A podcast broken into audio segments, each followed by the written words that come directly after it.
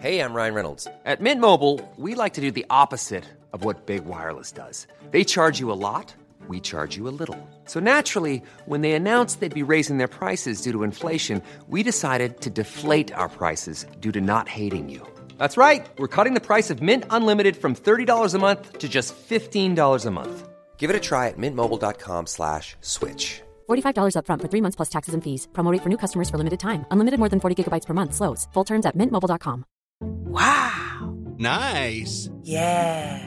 What you're hearing are the sounds of people everywhere putting on Bombas socks, underwear, and t-shirts made from absurdly soft materials that feel like plush clouds.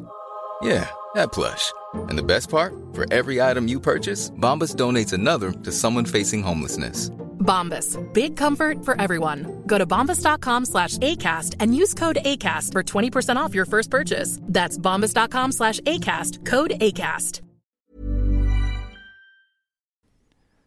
Fjellbo. Jeg er ærgjerrig, det vet du godt. Jeg må frem i verden. Når jeg tenker på at jeg er 30 år og ennå står ved begynnelsen, så kjenner jeg samvittighetens tenner i meg. Ja, men det er ikke dens visdomstenner. Stensgaard, det kan ikke nytte å snakke til deg. Du har aldri følt denne jagende og eggende trang. Du har drevet og dovnet alle dine dager. Som student til eksamen, i utlandet, og nå her.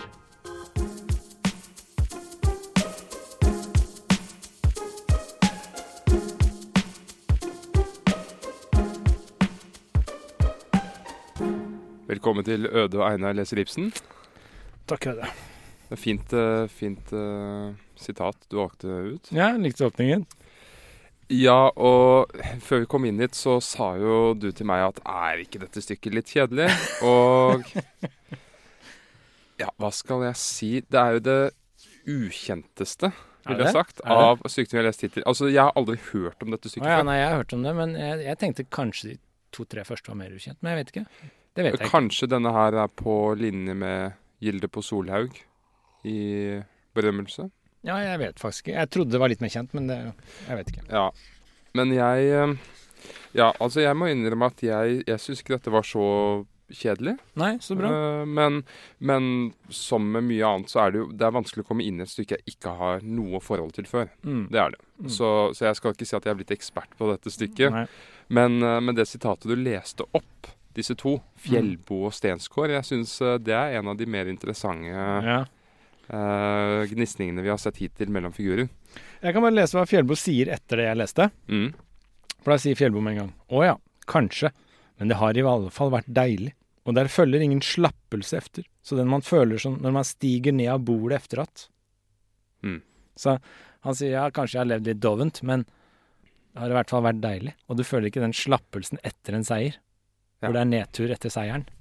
Det er jo fint Mm. sitat. Uh, Ja, jeg synes de- de to er veldig spennende fordi de er veldig like. Men de har hatt litt ulike tilnærminger. Jeg innbiller meg nesten at Fjellbo har vært som Stensgaard, men han har, at han har modnet litt. ja, kanskje. Um, selv om han beskrives som at ja, du har bare vært oven hele veien. Men eh, jeg er litt usikker på om det er sant. Men sist så beskrev du Per Gynt så fint. Du sa at ja, dette er stykket om han som ikke finner seg selv. Eller Mm. ja, som ikke greier å finne seg selv. Og som aldri fant seg sjøl. Ja. Som aldri fant seg selv. Så han var nødt til å finne en kvinne. Ja. Ja, ehm, jeg har tenkt litt på det i forhold til dette stykket, og jeg har kommet frem til at Vi er blitt ganske mye bedre på å oppsummere, har du merka det? vi er blitt flinkere. Så det jeg kan si om De unges forbund, Mm. et lystspill i fem akter Ja. av Henrik Ibsen, er at det handler om en mann som vil opp og frem i verden. Ja. Det er det, den reneste måten jeg kan si det på. Kanskje det tenker, tenk- handler om tenker en, du på Stensgaard. ja, Ja. det handler om en opportunist. Mm. En mann som vil opp og frem i verden. Ja. Mm. Og i dette tilfellet så er det en opportunist som har en sånn Han har en standhaftig persona. Mm. Han, han liker å fremstå som om han er veldig prinsippfast, men det er han jo ikke. Eh, Blant annet så forlover han seg jo med alle kvinnene i stykket. Og, og hver gang han får høre at familien til den forlovede kanskje er ruinert, så avbryter han forlovelsen. Ja, da bytter jeg. altså, jeg, vil, jeg er enig med deg. Det er en mann som vil opp og frem i verden, det er det det handler om. Men det er jo ikke bare Altså, jeg vil slenge på en liten bisetning. Fordi mange av Ibsen-stykkene er jo folk som vil opp og frem i verden, på en måte. Men det som er med Stensgaard, ikke sant, det er, det er en mann som vil opp og frem i verden, som du sier, men som ender opp med å snu kappa etter vinden hele tiden. Mm. Og derfor så Jeg vet ikke, kommer han seg opp og frem? Han gjør vel egentlig ikke det. Men han minner jo Han, han kommer seg opp og frem. Han, er, gjør jo det. Han er ikke sånn standhaftig som du sa, da. Han er ikke så veldig sånn Han står ikke på sitt veldig lenge. Nei, han liker å fremstå sånn. Litt sånn politiker som vil opp og frem i verden. Sånn prinsippløs, bare sånn Ja, det er jo en politiker Ibsen har beskrevet i stykket her. ja. Og politikere har jo en sånn person da, hvor de forsøker å fremstå som veldig trygge og solide skikkelser. Alle sammen. Men Mm. Men- hvem av de er, de er egentlig det? De må please velgerne. Ja. Mm. Men, eh, men jeg syns det er veldig spennende med denne Stensgård. Navnet hans, Stensgård, det minner meg om navnet til Peter Simon. Som betyr klippe. Det er, det er nesten en sånn ironisk kommentar Mm. i begge tilfeller. At eh, Peter er stabil som en klippe. Han er jo den som tviler mest. ikke Mm. sant? Og Stensgaard, han Du snakker om Peter i Bibelen nå, bare sånn at Ja. ly- lytterne er med. Ja, Peter i Bibelen, ja. At eh, det er litt sånn som når Trump ga folk kallenavn, vet du. Sloppy Steve og Crooked Ja. Hillary og sånn. Så gikk Jesus bort til Simon og sa hei, du, Peter Simon. um, fordi du er, du er liksom stødig som en klippe. Ja. Det er ironisk, ikke sant? Og Jeg tenker at Ibsen gjør det samme her med Stens gård. Sten er veldig solid og, og sånt. Men han, han er jo ikke solid. Nei. Han bare fremstår sånn. Det er derfor jeg ikke likte han. For han var så vinglepetter. Men han minner jo veldig om Brann også, da. Nei, Gjør han Brand- ikke det? Nei, nei, nei. Brann har jo dette ene målet han bare ofrer alt for. Stensgaard ofrer ingenting. Han bare vingler frem og tilbake og snur kappa etter og skifter forlovelse ettersom penga rår. Jo, men inntil han blir avslørt i siste akt, så tror jo alle at han er en solid fyr. Ja, men han er jo ikke det. Det er jo Nei, men kanskje Brann egentlig ikke var det? Har du tenkt over det? nei, nei, nei. Brand var Stensgaard. Han Jo, var men- solid som en sten. En gård som bare lå der. Jo, men altså, vi, ser, vi får et bedre og bedre bilde av kartet som er Ibsens eh, livsverk. Ja. Og disse karakterene som går igjen, han minner jo veldig mye om Brann på veldig mange måter, men så er han plutselig mye mer antihelt. Ja. Eller altså, hvordan fungerer det? Hva er det Ibsen prøver å fortelle Ja, det, det, det er jeg faktisk enig i. Han kan minne om Brann i den forstand at han er en mann som vil opp og frem i verden og vil oppnå noe. Og er villig til, og er jo på mange måter villig til å ofre mye, fordi han skifter jo vennskap, ryker jo tvert over, og damer og alt ryker jo tvert over fordi han skal frem, bare. Men poenget her er at eh, mens Brand har liksom et mål om at folk skal frelses, så har jo ikke Stensgaard noe annet mål enn at han skal bli stortingsmann. Han skal jo bli stortingsmann for å bli stortingsmann, uten at han har noen visjon om hva han skal gjøre med det. Jo, man har jo De unges forbund. Ja, hva skal De Unges Forbund? Ja, ikke sant? Det er jo helt Hva skal De unges Altså, forbund? det er jo det er helt tomt. Så det er jo på en måte et narrespill, vil jeg kalle det. det er jo, altså, han, han gjør jo egentlig narr av disse som skal opp og frem i verden uten å ha noe mål. Ja, men der, der, der jeg, jeg føler at Eller noe substansielt mål. Jeg føler også, også at Brann sitt mål var litt utydelig. Så og, og frelse folk, det er kjempekonkret. Nei, det er ikke konkret. Men vi kan la den Vi kan la uenigheten eh, Vi kan være enige om å være uenige der. Ja, vi kan komme tilbake til det. Men er iallfall enige om Stensgård. Men så har du Fjellbo, da. Mm. Som jo har et navn som minner om Stensgård. Fjelde. ja. Du har tenkt på navnet i dag, det er bra. Det har ikke jeg. Ja. Og Fjellbo er jo den fyren som har bestemt seg for å ikke komme seg opp. Det irriterer jo Stensgård. Eh, Det åpningssitatet du leste, at du har bare vært doven, og du har bare, du har bare valgt et, liksom et greit liv. Men han går rundt, og han, han er veldig observant. Så Fjellbo, du bor i fjellet. Stensgård, den går av sten. Ja, men den, den er ironisk, da. Mm. I tilfelle med Fjellbo tror jeg ikke det er ironisk. Mm. Jeg tror det er det at han har det overblikket. Mm. Ja, det kan være at han bor oppe på fjellet og ser ned på folk. Mm. Eller har oversikt. Ja. Men vil du, kanskje du skal oppsummere stykket, bare sånn handlingsplottet? Hva foregår? Kjapt. Ja. OK. Eh, Nå får vi se om jeg husker første akt veldig godt. Fordi det var, eh, det var litt vanskelig å komme seg inn i første akt. Ja. Det ble lettere, men, eh, men det vokste veldig på meg fra akt til akt. Mm. Det syns jeg. Mm. Men det er jo dette Men du bør ikke gå akt til akt, eh, du bør ikke gå akt fra akt til akt-versjon frem. Du kan bare oppsummere plottet. Men jeg kan jo si aller først da, at det handler om en mann som vil opp og frem her i verden. Mm. Men det handler også om gnisningene mellom det gamle og det nye. Ja. De unge og de gamle. Mm. Så det som foregår, er at stykket åpner med en 17. mai-feiring, hvor disse gamle ærverdige politikerne feirer frihetsdagen, holder taler, Mm. Og så kommer jo denne Stensgaard opp på talerstolen og sier 'hallo, nå må dere våkne, og nå må de unge frem', og Han kupper jo egentlig festen. Ja, han gjør det. Men går på bordet. Han er ikke invitert opp på bordet. Han går jo opp på bordet og kupper hele festen og avsetter festkomiteen. Ja, han gjør jo det. Og så skjer jo dette merkelige, da, at han henger ut denne bastionen i dette lokalsamfunnet, som, eh, som er en kammertjener. Hva var navnet hans igjen? Bratsberg, kammerherre. Bratsberg. Ikke tjener, kammerherre. Kammerherre var det. Beklager. Kammerherre Bratsberg. Bratsberg. Så han henger ut denne, denne bastionen som ikke er direkte politisk, men liksom er inni Mm. tarmene på politikken hele tiden. En sånn klassisk sånn Som mafios fyr. Han Ja. har liksom en finger med i alt, han vet alt, men han, han unngår politikken litt, fordi han er jo den stabile klippen.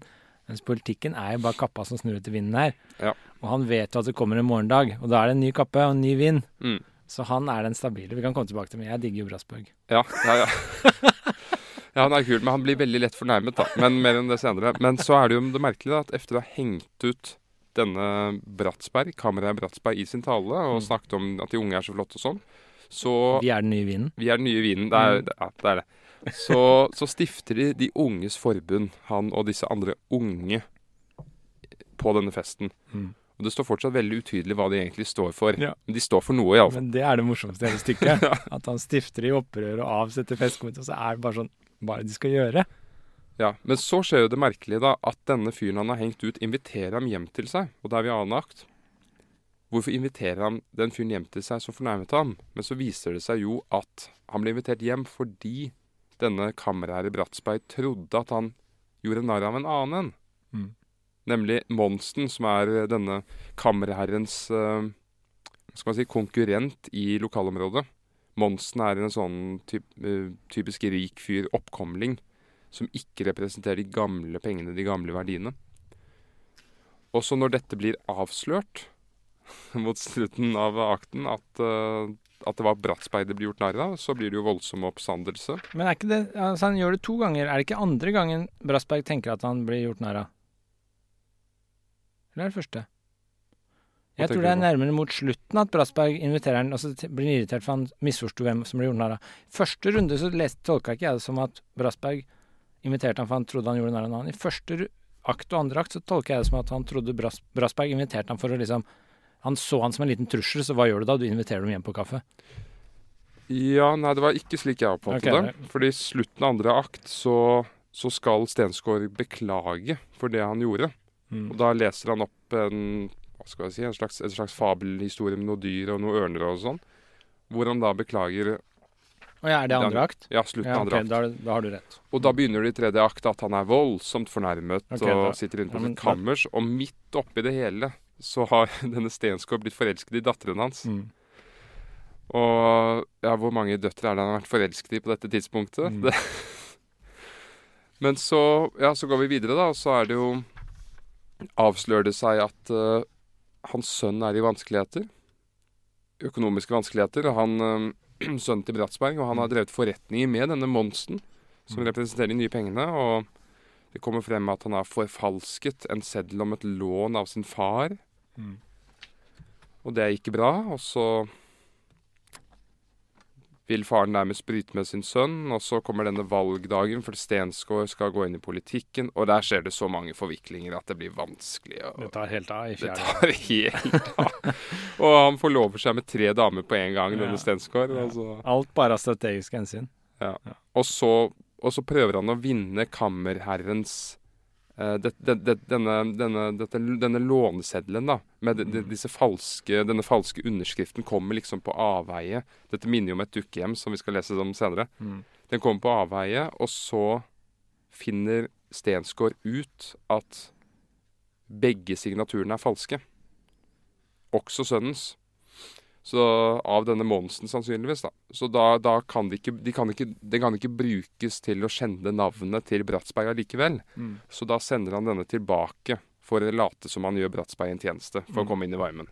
Og det er da i siste akt at når Bratsberg får vite det, at Stengård blir avslørt som en opportunist. Ja.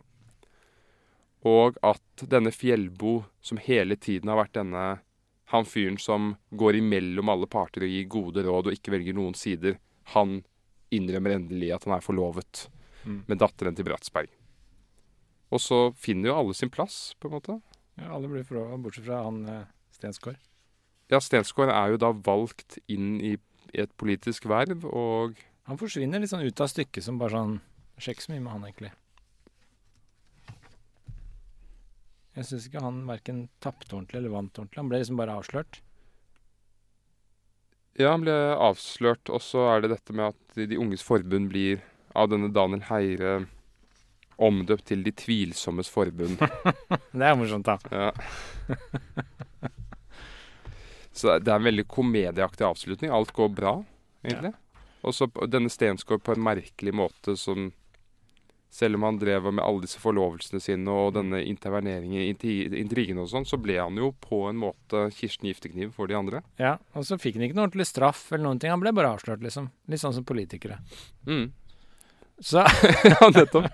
og det er jo et lystspill i fem akter. Og det skjønner jeg jo. Det er litt sånn lystig. Det er jo ikke Jeg tror det var derfor jeg ble litt sånn skuffa når jeg leser, fordi det var liksom ikke noe den derre tunge dybdepsykologien er ikke her. Nei, Det er veldig mye mer politisk. Det er liksom konservative versus progressive krefter, og så er det denne unge mannen som bare snur kappa etter vinden, som er liksom politikerparodien her. Mm. Så det er Ja, jeg vet ikke. Jeg, jeg, så er det litt i fjerde akt med alle disse forviklingene, så det er jo på en måte signaturen til en komedie. Forviklinger. Og så er det jo morsomt når liksom alle de der forlovelsene bare rakner én etter én, og ikke går noen gang i Stensgaards favør. Det blir avslørt liksom Nei, hun var med han, og han trodde det var han. Så. så det er jo litt morsomt òg, men ja. OK. Ja, men det var bra oppsummert. Det.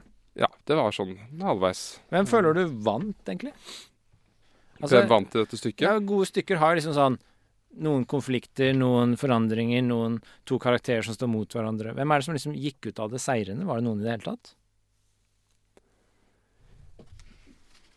Ja, altså Jeg tror det kan være så interessant hvem vi leser som seire her. Ja, jeg, jeg, jeg må vel faktisk si at kammerherren Bratsberg er på en måte den seirende part her. Jeg er enig. Fordi i løpet av stykket Så han sier jo på slutten jeg melder meg inn i De unges forbund. Jeg, Mm. og jeg går inn i min sønns forretninger. Så du kan si at hans bastante konservative holdning er blitt litt finjustert mot slutten. Og han er blitt litt mer rasjonell. Han er konservativ i kraften her, ikke sant? men han er også ganske pragmatisk. Så han tilpasser seg litt, eh, og liksom er åpen for det nye. Men jeg liker veldig godt Brassberg fordi han unngår å kaste seg inn i politikken, for det er for tidfesta for han. Han vet at det kommer en morgendag, som vi sa tidligere. Så han kaster seg ikke aktivt inn i politikken. Men han er med bak, og er med og justerer og drar Det er sånn klassisk drama som hvis du tenker på sånn som eh, Har du sett eh, West Nei eh, Altså, det er en del sånne westerndramaer hvor det er én sånn hauk i byen som på en måte styrer egentlig byen, selv om han ikke Ja. er politiker. Mm. Og det er litt sånn Brassberg er her. Ja. Jeg tenkte på Deadwood. Har du sett den? Nei. Det er en veldig bra serie, westernserie om den første, siste staten i USA som ikke ble forent med de andre. Okay. Så det er siste sånn anarki som var igjen når statene ble forent. Men det er jo alltid sånn i lokalsamfunnet at det er, det er en solid kraft der. Det er på en måte en lokalkonge. Ja, og der er det sånn. Han som driver bordellet, han er den. Og i begynnelsen så er han ganske slem mot den, men så skjønner du når samfunnet rundt forandrer seg hele tiden, så skjønner du at han blir the good guy. Mm. Fordi han gjør det han gjør for å holde stabilitet i byen. Det er veldig sånn fascinerende serie, for han forandrer seg egentlig ikke, men samfunnet rundt gjør det. Ja. Og da går han fra å være ond til god, selv om han ikke har forandra på noe. Og sånn er det litt her, føler jeg. Brassberg er litt sånn. Han er jo den solide skikkelsen som Ja, for han kan virke litt Han kan virke som han uh, står litt på bakbenene. Altså, han, han kan virke litt vrang mm, i åpningen. Og det kommer jo også frem at han, at han har litt, litt sånn skakkjørte familierelasjoner pga. sin bastanthet. Ja, men det har jo disse mafiabossene, ikke sant? Ja, det gjør jo det. Han, han er jo litt sånn mafiaboss i byen her. Mm. Og så liker jeg sånn Han er ganske sånn hard, ikke sant? Eh, sånn som når sønnen hans har forfalska eller juksa og triksa litt med penga hans. Så oppdager han det, så sier han til slutt liksom Så spør han Fjellby om men vet du hva som kommer til å skje nå. Så sier han bare det blir en sak mellom forbryteren og straffeloven. Ja. Om sin egen sønn. Mm. Så, men så til slutt så kommer han og allikevel hjelper sønnen sin.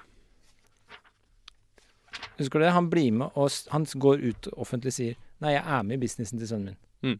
Så han blir med og fikser det sammen med han. Ja, men det er, det, er det, det er nettopp det jeg opplever her. Da, at han han beholder både sin verdighet, men han gjør disse nødvendige justeringene Mm. mot slutten. for Mm.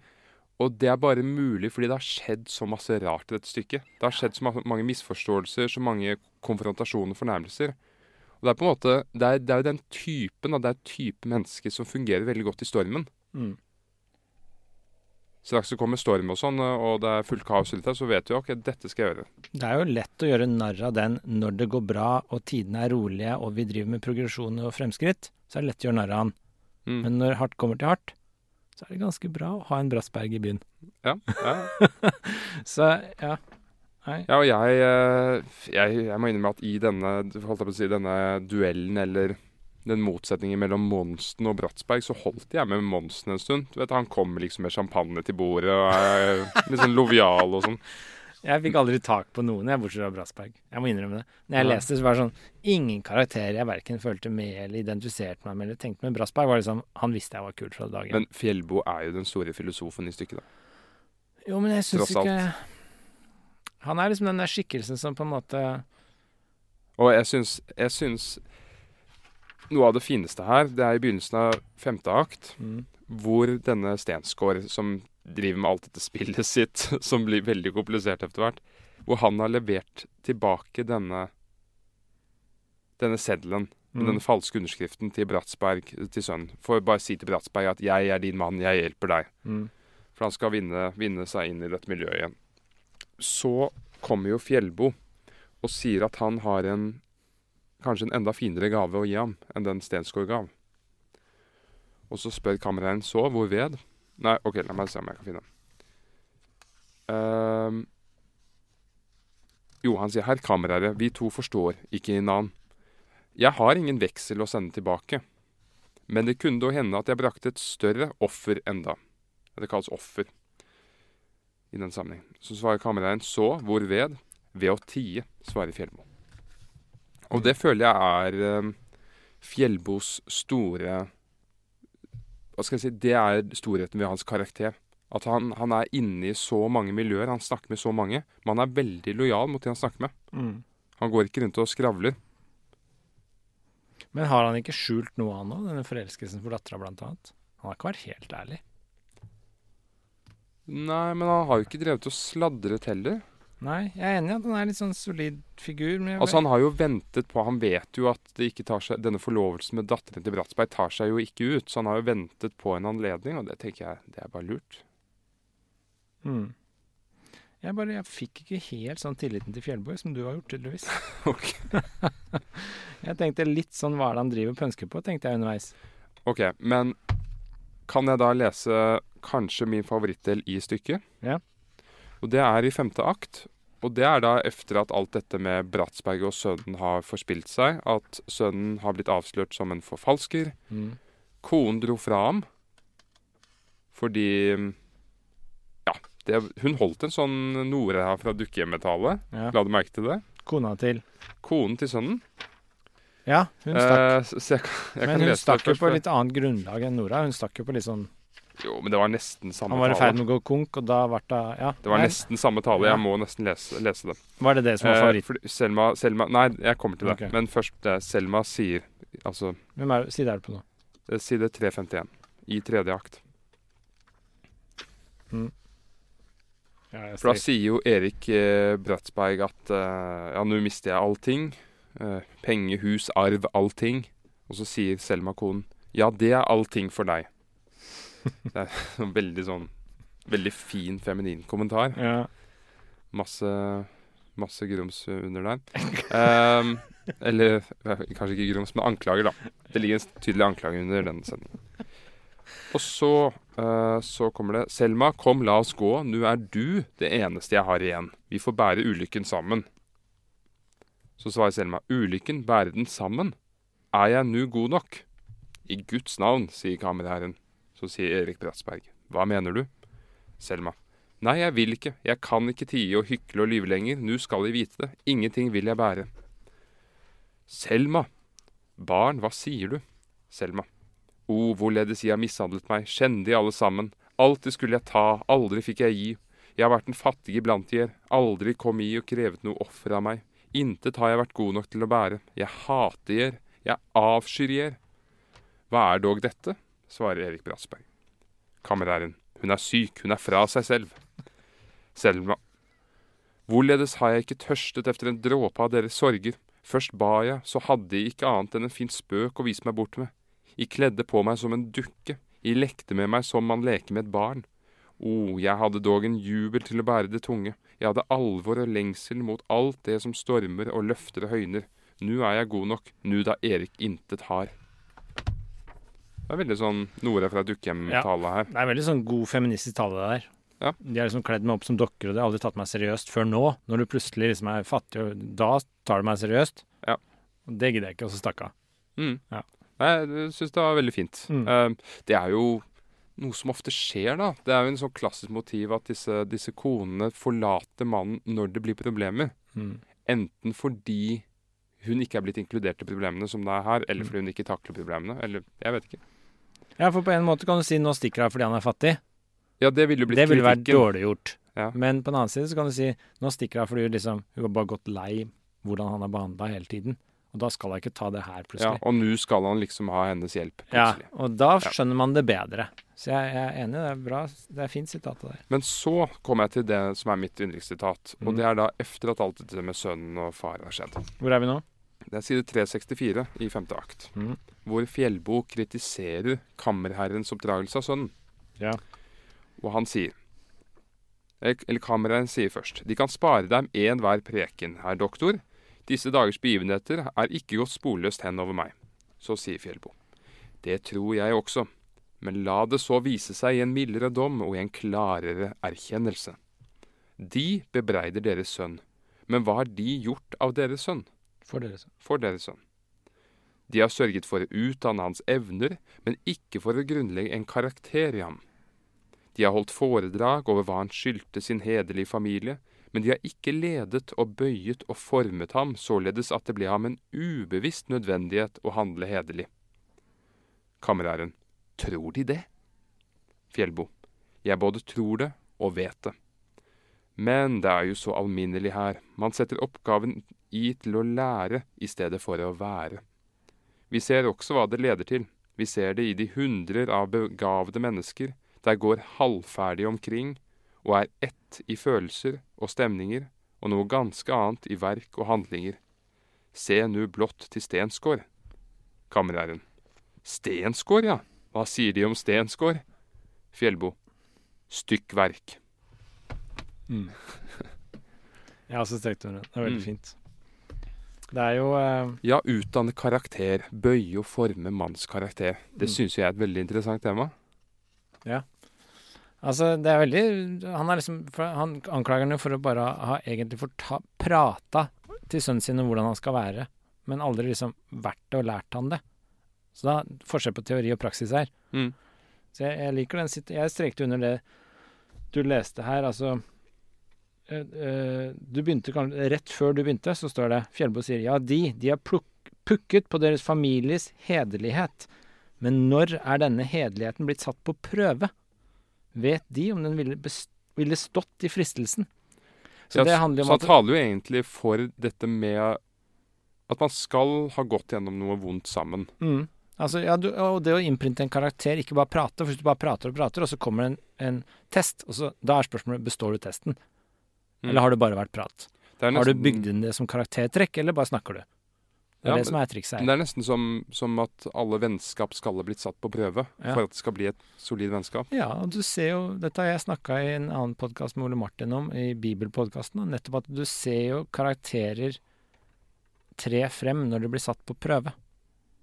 Det er ikke alltid du ser hvordan folk er før de blir testa. Mm. Da ser du hvordan de er. Takler, hvordan takler de denne testen? Og det er ganske interessant, syns jeg. Ja, Og det kommer jo veldig fint frem her. Ja. Takler liksom sønnen til Brassberg denne testen, eller familien hans, hvis den blir satt på prøve? Hvis du bare har hatt det fint hele tiden?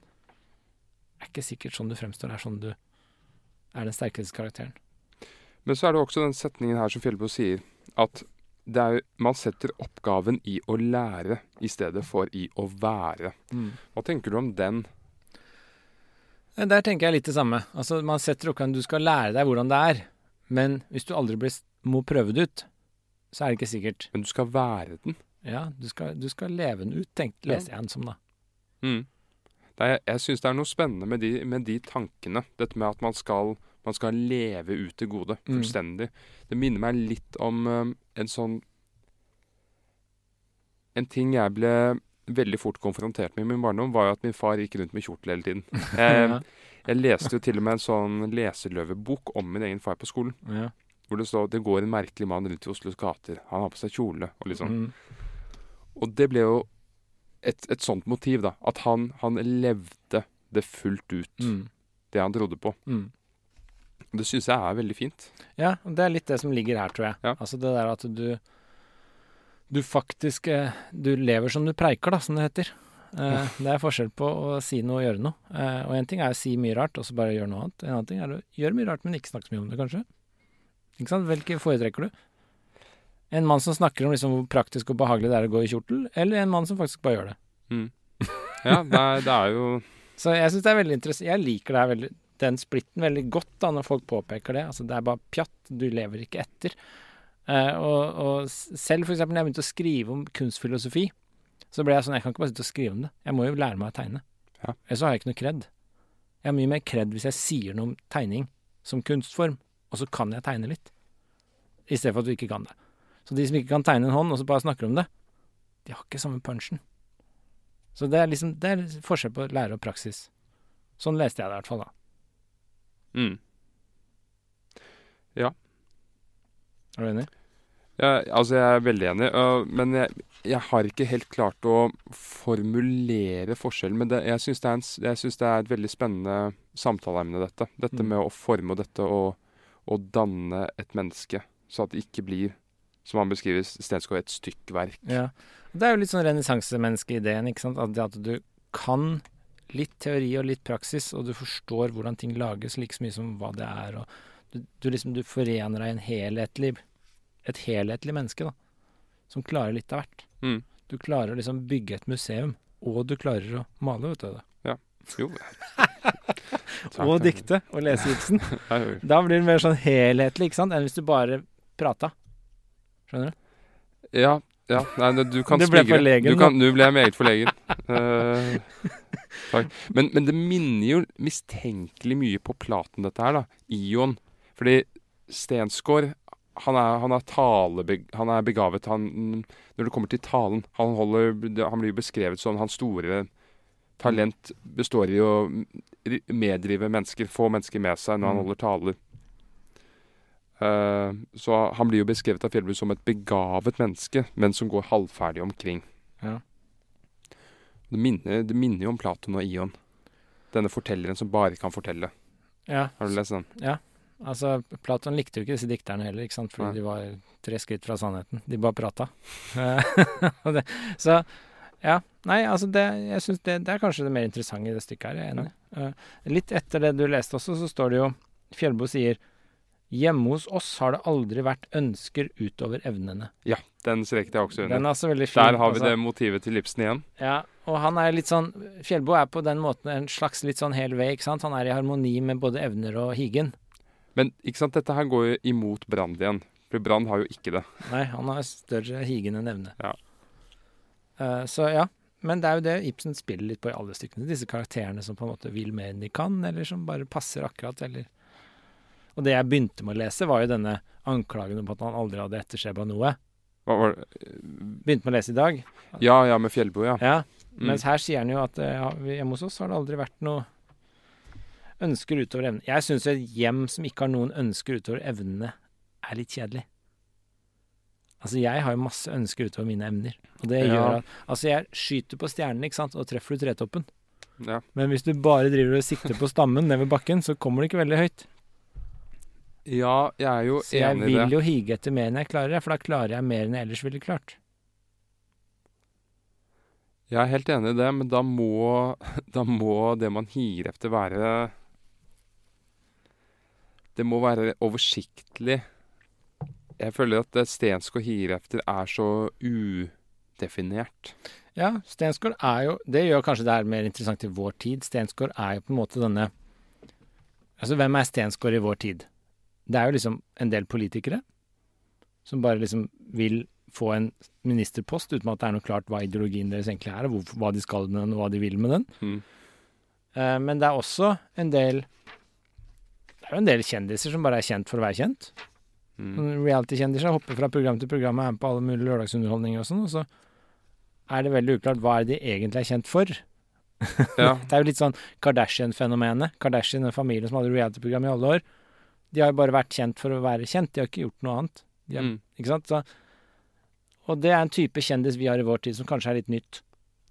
Og de Ja. er jo litt sånn stenskår. De, liksom, de vil opp og frem, men det er veldig uklart hva er det du vil opp og frem for å oppnå? Hva er det du skal med å opp og frem? Hvorfor er du ikke heller mer som Fjellbo, som bare aldri har prøvd noe mer enn evnene dine? Hvorfor skal du liksom være med på alle mulige lørdagsunderholdninger hvis det ikke er noe du har å vise verden, annet enn at du er med på lørdagsunderholdningen? Det syns jeg er litt sånn stenskår i vår tid. Ja, du kan si at Ja, du beskriver det som et nytt fenomen. Jeg har egentlig litt sånn vanskelig med å akseptere at det er så nytt. Fordi hvis du går tilbake til 50-60-tallet og sånn, Elvis og Marilyn Monroe og alle de typene der Som um, De kjenteste da, det var vel sangere og Hollywood-skuespillere. Men jeg bare tenker at de skrev jo ikke sangene sine selv. De skrev ikke filmmanuset. De bare fremførte. Og jeg syns også det er ganske lite i forhold til kjendisstatusen deres. Ja, Elvis er jo et ikon, vet du. Han ble jo han, Det var fremføringen og sangen, stemmen og fremførelsen som gjorde han stor. Det var ikke låtskriverkapasiteten. Ja, men jeg syns allikevel Hvis du sammenligner det med de gamle komponister som virkelig satte seg ned og skrev Ja. mesterstykker, Mm. som skrev stykkene, alle stemmene og, og så videre, så er det Det er ikke lang vei fra Elvis til Kardashians. Nei, jeg er enig i at det er nærmere. At det er et hopp imellom. Men kanskje du kan tenke sånn at den ideen begynte da? ikke sant? Den begynte når popmusikken kom. Den begynte når TV og radio begynte å bli underholdning for Ja. massene. Da kom den type kjendiskultur også. Sakte, men sikkert snikende. Og så har det bare tatt helt av i dag. Mm. Man kan jo se på det som en sånn stigende kurve, heller enn sånn absolutt brudd. Uh, men det er jo noen, ja. Så du, du liker mer sånn type sånn Guns N' Roses, du, som skriver egne låter og spiller det? Je- Jeg er enig med deg. Det er bra, det. det. Jeg er enig. absolutt, Jeg er enig. Jeg er helt enig. Jeg er helt enig. Det er bra. Men eh, ja, OK. Hva Skal vi se litt på karakterene? Ja, skal vi se på oppsettet her, da, i begynnelsen. Altså Jeg kan bare si før jeg glemmer det, det var kanskje en av grunnene til at jeg ikke Altså Jeg syns ikke det her var liksom det mest interessante stykket så langt. Det må jeg ærlig innrømme. Spennende og kule temaer og sånn, men det mangler, som jeg sa, den der dybdepsykologien og det mørke som jeg liker så godt. Så Ja. det ble litt for mye lystspill for meg. Uh, og så ble det litt for Altså, det er, det, er, det er jo en slags politisk satire, det her. Syns jeg. Litt sånn her Stensgaard blir litt sånn parodien på politikere. Og jeg syns politikk er så kjedelig. Jeg, det er så uinteressant, fordi jeg Ja. kjenner meg igjen i Brassberg, ikke sant. Jeg er sånn Det kommer en dag i morgen òg, og da er ikke det her temaet du er helt vill over i dag, det er ikke aktuelt i morgen. Og da er spørsmålet vil du være døgnflua, Ja. eller vil du være den som på en måte ser litt mer av det som varer. Ja. Og Det er vel derfor de, det blir omdøpt til De tvilsommes forbund mot slutten. Ja. At det som er ungt, det er tvilsomt. Ja, og så er det viktig å ha det frem, det unge og det, det progressive. Det må visse krefter av det frem, sånn at Brassberg ikke stivner. Men så ser du Brassberg justerer seg litt i henhold til det, men ikke for mye. Så han er på en måte denne passende konservative kraften. Han, han hindrer det ikke totalt. Han går ikke all in for å blokkere, for da blir det destruktivt. Mm. Men han går heller ikke all in for å Hva er det motsatte av blokkere? Progrere? for å være progressiv. Han er på en måte den som holder litt i tøylene, men lar hestene gå litt fremover. Og det er jo en Ja. sunn holdning, tenker jeg. Så er det er spørsmål om gradestokk hvor mye du skal holde. Det er jo denne Lundestad, da, som er denne, og, denne solide, gamle politikeren. Mm. Han sier jo i siste akt det er med nye tanker som med spøkelser. En kan ikke mane dem bort igjen. Ja. Så man må, man må forholde seg til nye tanker som dukker opp. Mm. Altså det er, det er dette pasta, eller tannpasta-fenomenet. At når det er ute av tuben, så, Ja. så må du forholde deg til det. Det er vanskelig å få det inn igjen. Ja. Mm.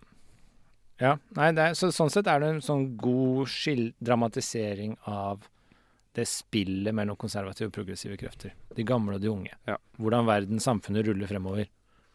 Og det merkelige her er jo at det virker som de gamle er mer åpne for det nye enn omvendt. Nesten, ja. Mm. Jeg syns det kan virke som det har vært sånn de siste 50 årene også, i Norge. Har det ikke vært det? Hvem er de gamle tenker du på nå? Nei, de gamle er jo Ja, de byttes jo ut hele tiden, da, så det blir veldig vanskelig. Men jeg har inntrykket av at folk av den gamle garde, de er veldig De er veldig positivt innstilt til alt det nye som kommer. Mm. Jeg har ikke hørt så veldig mange motstemmer. Jeg har ikke hørt så mange som tør å gå ut og si at det var mye som var bedre før. La oss stanse denne ekstreme digitale utviklingen osv. Mm. Nei, altså hvis du er, har levd lenge, ikke sant, så har du sett ting komme og gå. Og så tenker jeg, hvis vi setter oss inn i de ståstedene, så er det mer sånn Du blir litt klokere. Og når du blir litt klokere, så blir du litt sånn åpen for variasjoner. Men du behøver ikke dermed liksom kaste deg frem som om alt det gamle var ubrukelig. Men du er åpen for nye ting, for du har sett at ting har pro hatt progresjon. Mm. Men hvis du er veldig ung og, og smart, men uerfaren, så er det ikke nødvendigvis veldig klok. Og da kan det være sånn at du blir veldig gira på en idé, og så glemmer du å få med deg liksom hva som har vært, og hva som var bra. Og. Ja. Så jeg, ja, de kloke gamle, det er klart de er åpne for nye ting, men ikke overentusiastiske.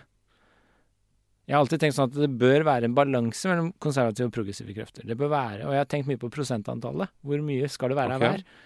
Jeg tenker sånn 70-30? Ja, jeg har tenkt 70-30. 60-40, 70-30 har jeg tenkt. Minner jo om det vi snakket om sist, med disse nowhere, Nei, Somewhere or Ja. Nowhere. Var det Mm. Nowhere? Nei, uh, somewhere or anywhere. Ja.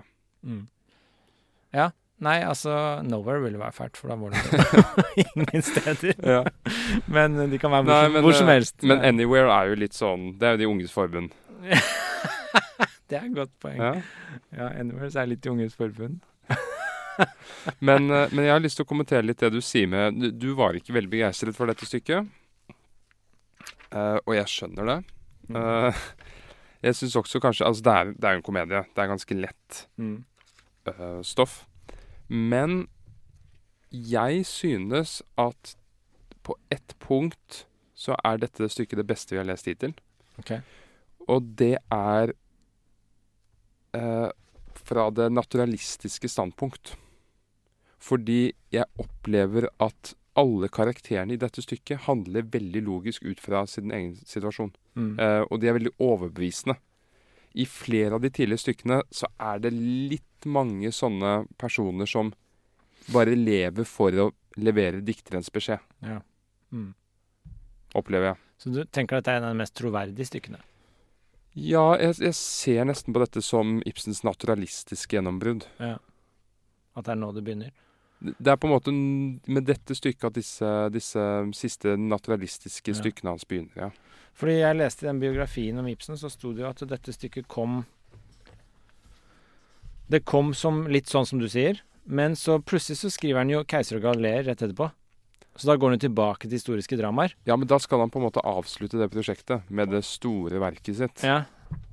Så, så ja, så det tar liksom ikke Det er fortsatt to-tre stykker Ja, to stykker til før Dukkehjem kommer, ikke sant?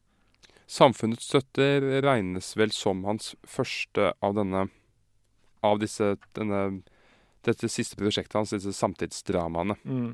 Hvor han skulle gå tilbake eller inn i denne lille stuen. Mm. Og det er de tolv siste, og før dem så er det tolv. Med Keiser Galilee er vel det tolv. Mm. Um, Nei, men det er interessant det du sier. Jeg, jeg, jeg kan være enig i det. At det er det første sånn ordentlig kan du komme på en karakter her i stykket, hvis vi ser på persongalleriet her, kan du komme på en person som er lite overbevisende?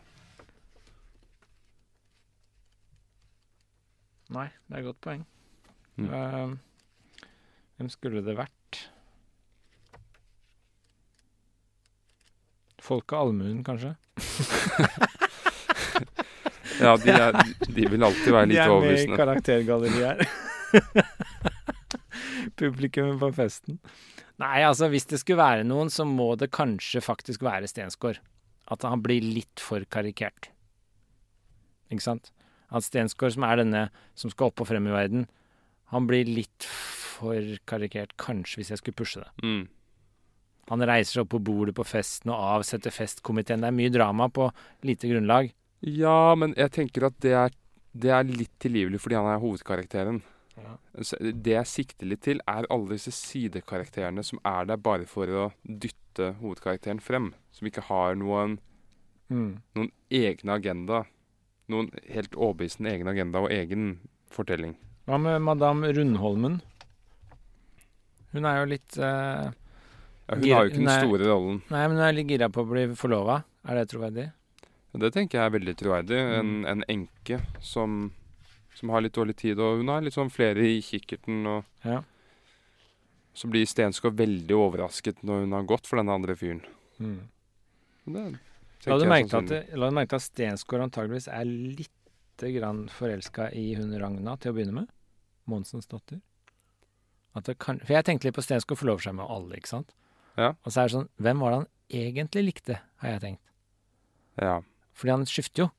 Så hvem er det han ofrer, liksom? Var, hvor var kjærligheten hans? For Ibsen er veldig opptatt av kjærlighet noe, som denne drivkraften. Men hvis du ser helt i åpningen av første akt, Mm. så står jo Monsen og Aslaksen og snakker, og så kommer Stensgaard inn. Så sier Monsen, den tale har han nu holdt Ikke sant, det var han Lunde sa som. Den tale har han nu holdt i alle de år jeg kan minnes, kom så her. Nei, nei, nei, sier Stensgaard, dette er det første Stensgaard sier i stykket. Nei, nei, nei, ikke den vei, herr Monsen, nu kommer vi jo rent bort fra deres datter. Som er Ragna. Ja. Så det første Stensko er bekymra for, er å glippe Ragna.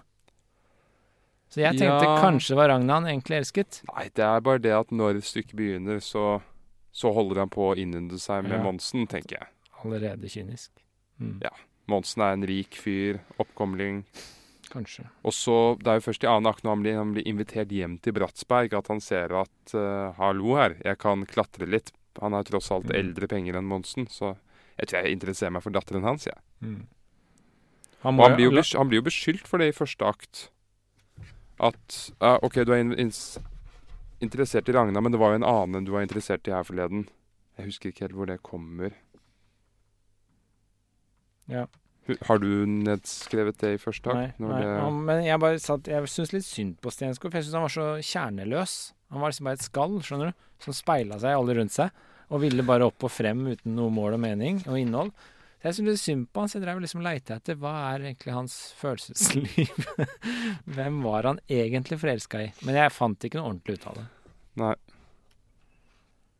Han er jo heller ikke eiendomseier, vet du. La du merke til det? Altså, de som har stemmerett, må jo ha eiendom. Ja. Slik at eh, det, det er jo ikke alle som har stemmerett her. Eh, Så det er snakk om å skaffe ham eiendom for at han skal klare å komme seg opp og frem. Ja, men skal vi se om vi finner noe kjerne i denne stenskolen, i hans tale. Ja. Vi har jo dette kjente sitatet som han kommer med her, men eh, skal vente litt med, med det. Jo, for han kommer Hør meg, i feststemte brødre og søstre, hør meg. I som har frihetsdagens jubel og sang i eders hjerter, selv om den ligger bundet. Jeg er en fremmed blant dere. Og så sier folk Aslaksen nei. Så svarer Stensgaard takk for det, nei. Jeg tar det som et lengselens og trangselens vitnesbyrd, dog fremmed er jeg, men det er svoret at her står jeg med et stort og friskt hjertelag for eders sorg og glede, for eders savn og seier.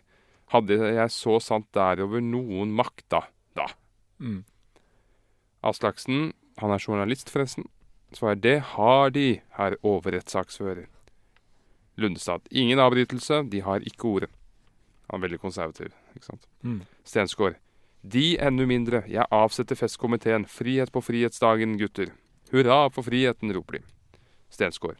Man vil nekte jer melets bruk. I hørte det. Man vil gjøre jer til umælende. Vekk med slikt voldsherredømme. Jeg vil ikke stå her og holde tale for en målbundet klynge. Snakke vil jeg, og I skal snakke med. Vi vil snakke fra leveren. Det er aldri bra. Og så mengden hurra! Stensgaard. Ikke mer disse golde, kistekledde festmøter. En gyllen, en dådstung grøde skal skyte frem av våre 17. mai-lag herefter. Mai, det er jo spiretiden. Det er årets unge, svulmende jomfrumåned. Til 1. juni blir det nettopp to måneder siden jeg satte meg ned her blant dere. Og hva har jeg ikke sett av storhet og småhet, av stygt og av vakkert her? Og så spør kameraeren hva er det egentlig han taler om, doktor? Det syns jeg er veldig morsomt. Kameraeren har jo helt rett. Hva er det han babler om? Fjellbo. Boktrykker Aslaksen sier det er om de lokale forhold.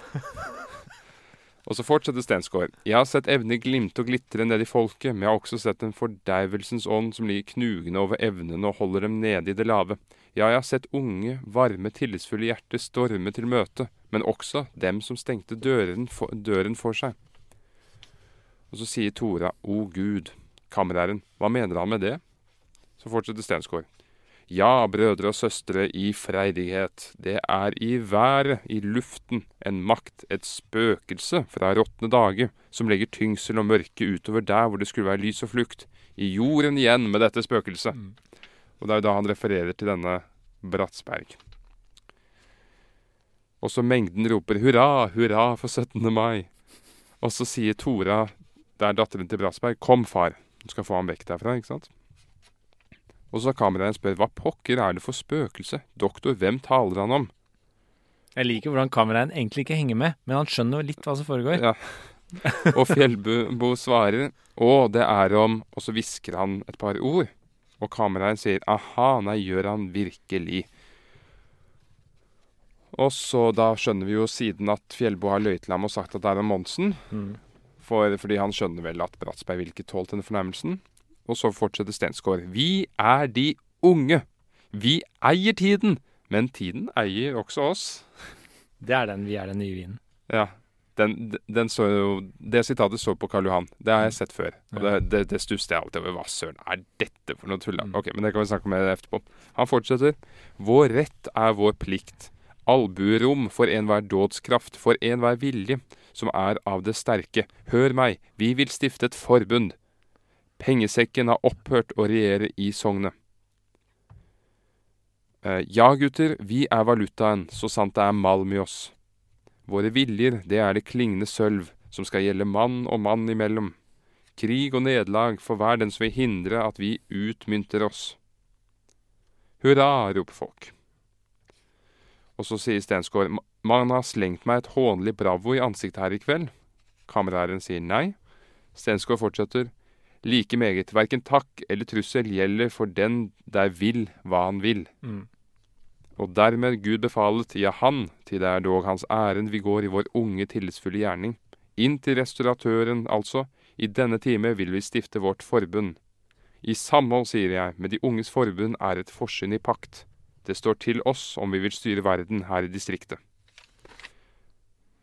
Ja, det, ja. Ja. Og der slutter han stallet. Var det noe innhold her, egentlig? Nei. altså, Jeg har aldri tenkt hvor godt det her minner om når Ari Behn og de unge sto på Teaterkaffen og sa 'vi er den nye vinen' og ropte ut og ble bannlyst fra kafeen. Det var en sånn klassisk 90-tallshendelse.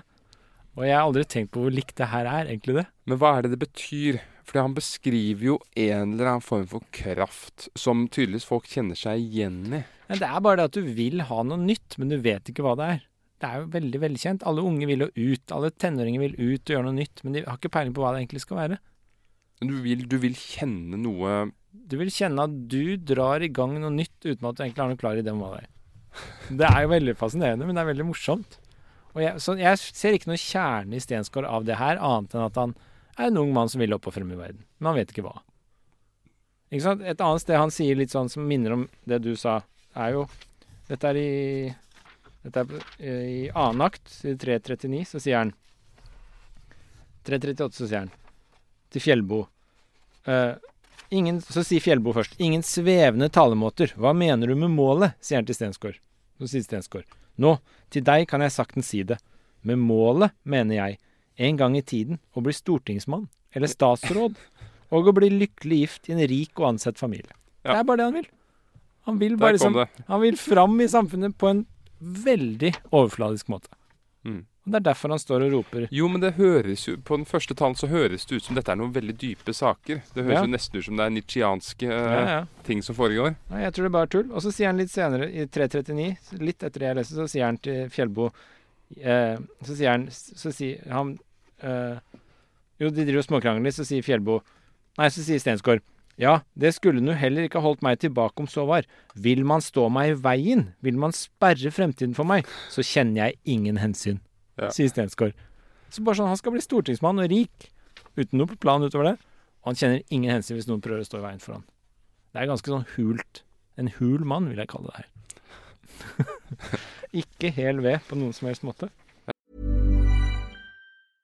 Hey, I'm Ryan Reynolds. At Mint Mobile, we like to do the opposite of what Big Wireless does. They charge you a lot, we charge you a little. So naturally, when they announced they'd be raising their prices due to inflation, we decided to deflate our prices due to not hating you. That's right. We're cutting the price of Mint Unlimited from $30 a month to just $15 a month. Give it a try at mintmobile.com slash switch. $45 upfront for three months plus taxes and fees. Promo rate for new customers for limited time. Unlimited more than 40 gigabytes per month. Slows. Full terms at mintmobile.com. I'm Sandra, and I'm just the professional your small business was looking for. But you didn't hire me because you didn't use LinkedIn jobs. LinkedIn has professionals you can't find anywhere else, including those who aren't actively looking for a new job but might be open to the perfect role, like me.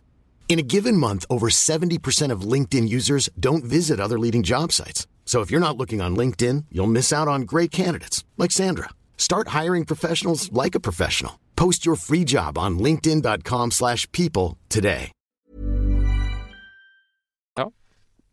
Og så sier han litt senere Stensgaard til Fjellbo, for Fjellbo og Stensgaard har kjent hverandre før. Og dette er litt interessant, fordi de har kjent hverandre når de var mindre.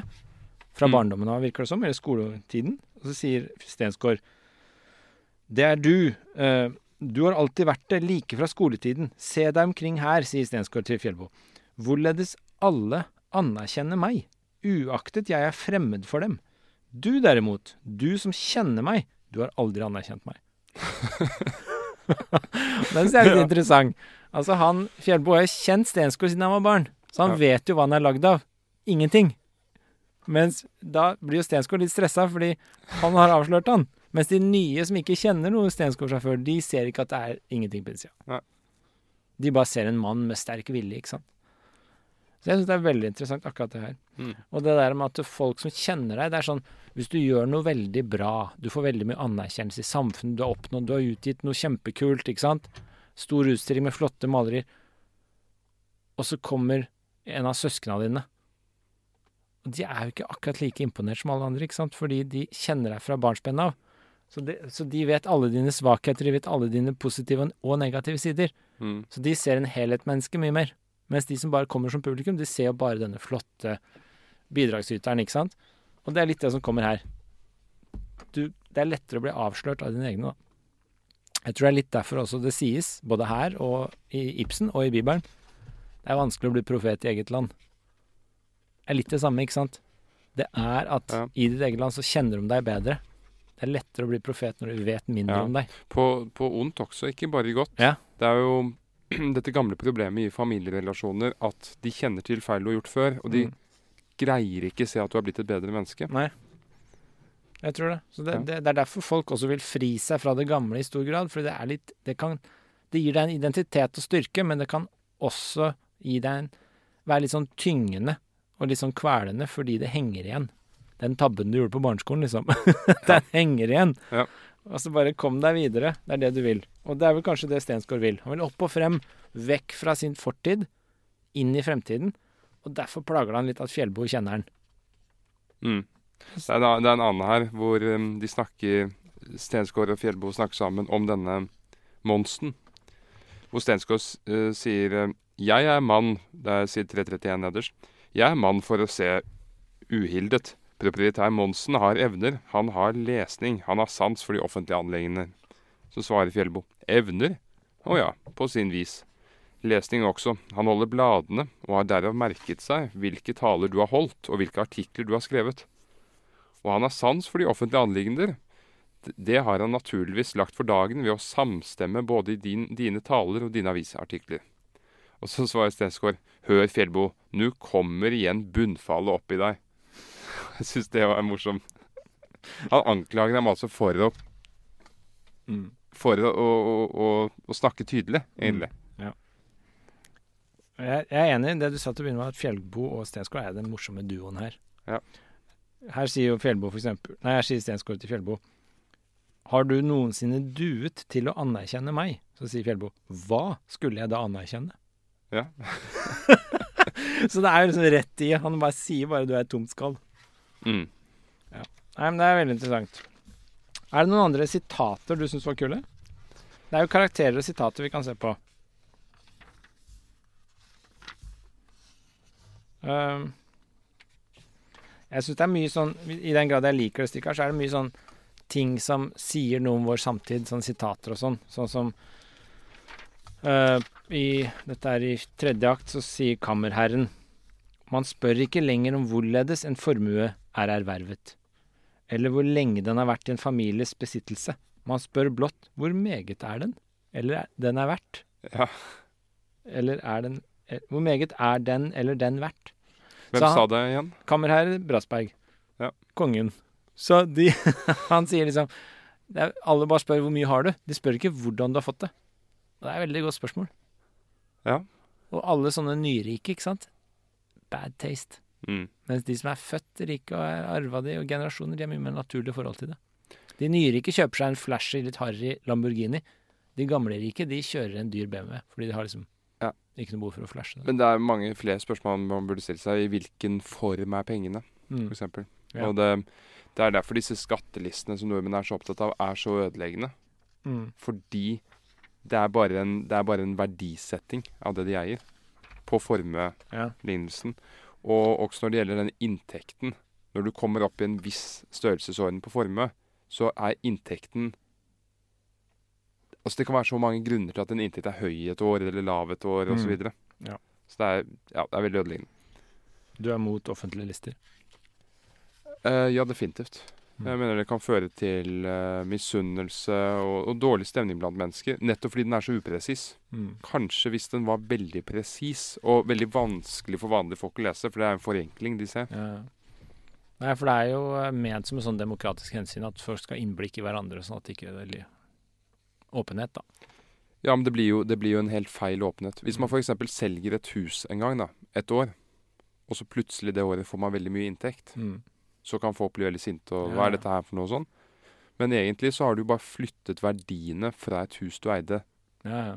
Nei, det er veldig sånn rart, ja. Ja. Subjekt har jo delt alle disse inntektslistene. Så du det? For kulturpersonligheter og sånn. Mm.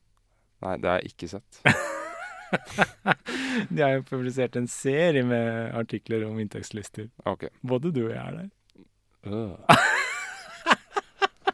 Har du ikke sett det? Nei, jeg vil ikke se det. Å nei. Nei. Jeg har ikke klikka på det. jeg- Du må vel logge deg, må du ikke, for å se inntektslistene? Ja, også det er jo noe som ble tvunget gjennom for mange år siden. At du, ja, at du må logge deg inn. At du, at du blir sporet hvem som har sett på hva Ja, ja. også. Så, Ja, jeg har aldri logga meg inn, ja. Men det er jo Men Men altså, det, det, det er, det er så mye som er feil med de listene. Ja. Vi sto der begge to, og så er poenget at det som er litt morsomt, at min stemte jo ikke helt. Nei. Av de grunner du sier, ikke sant. Ja. Jeg tente, ja, jeg Nei, tente, tente mer. Eller, altså, det stemte ikke, da. Ja, ja, jeg skjønner. Jeg skjønner. Men apropos å tjene og eh, leve og sånt, så har vi jo en eh, veldig presis kommentar her i Er det andre eller er det tredje akt?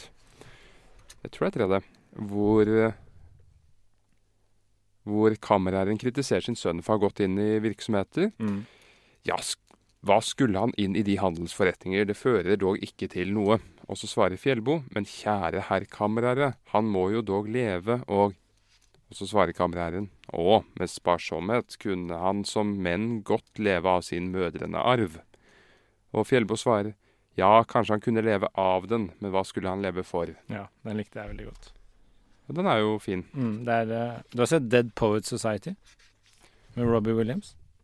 Ja. Der sier han jo det til elevene sine. Han sier liksom naturvitenskap er viktig fordi vi trenger det for å leve. Men litteratur og kunst, det trenger vi for å ha noe å leve for. Ja. Det er litt der. ja, ja. Ha ja. Det er jo nesten en klisjé å regne, en moderne klisjé, men, eh, men, men for denne fyren Bratsberg så er det jo veldig mm. sentralt. På et eller annet tidspunkt så bestemte vel han seg for å bli denne, denne klippen i dette lille samfunnet.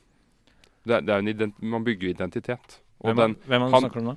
den gamle Bratsberg, Ja, ja. han har jo identitet. Hans identitet er klippen i den lille byen. Han Ja. er den solisten. Og den, så den identiteten er jo tatt, så sønnen må finne seg en annen en. Mm. Ja, han sier litt etter her, så sier jo kameraen Etter det du leste nå, så sier han ja, de som er øhm, Hm, den, det er kameraen. Hm, den Stensgård, det er dog den mest uforskammende slyngel jeg har kjent.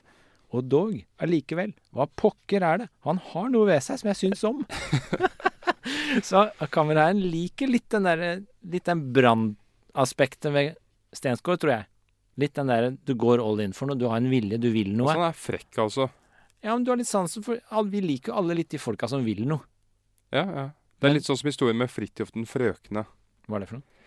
Jeg, jeg kan ikke historien så godt, men han Det er en historie fra Norge, jeg tror det er Trøndelag-området eller noe sånt, men han var en nobody som gikk opp og spurte kongen, en konge i Norge, om datterens hånd. Mm. Det er jo skikkelig frekt. Du, er ikke, du, er ikke, du, er ikke i samme klasse som henne. Men Men vet du hva kongen ble? Sånn, wow! Mm. Det var skikkelig frekt. Mm. Du var skikkelig frøken. Fridtjof den frøkne. Ja. Så det, du skal få datteren min. ja. Jeg tror jeg har hørt om henne, faktisk. Ja. Nei, det er eh, Ja, du kan få litt sansen for folk som gjør litt sånne Som vil noe, tror jeg. Det ligger jo bak den nå. Så det er vel det han liker med Stensgaard, vil jeg tro, da. Uh, ja, fordi kameraet Ja, Nå kom jeg på en ting, Ja. og det er jo at Fjellbo Han vil jo ikke så mye. Nei, Han sier jo selv 'jeg har valgt meg det hva jeg ikke vil', men så kommer det frem i siste akt at nei, han vil gifte seg med datteren til Bratsberg. Så Mm. det er jo liksom Han har, han er mer villig i kjærligheten. For Stensgaard så er jo kjærligheten bare. Et, et verktøy Mm. for å nå viljen i politikken. Og det kan jo være interessant at Fjellbo har den derre Han viljen i kjærligheten, fordi han har jo Han sier jo, som vi leste tidligere, han sier jo i mitt, vårt hjem har man aldri villet mer enn man kan. Ikke sant? Man har aldri higet mer enn evnene i hans Ja. hjem. Og så, og så vil han jo den kjærligheten. Han har evnen til kjærlighet, ikke sant? Ja. Så det kan hende det er det. Altså det jordnære, det derre ikke streve for mye. Men kjærligheten, den, eh, Ja. den vil han ha, for den eh, krever ikke noe annet enn bare seg selv.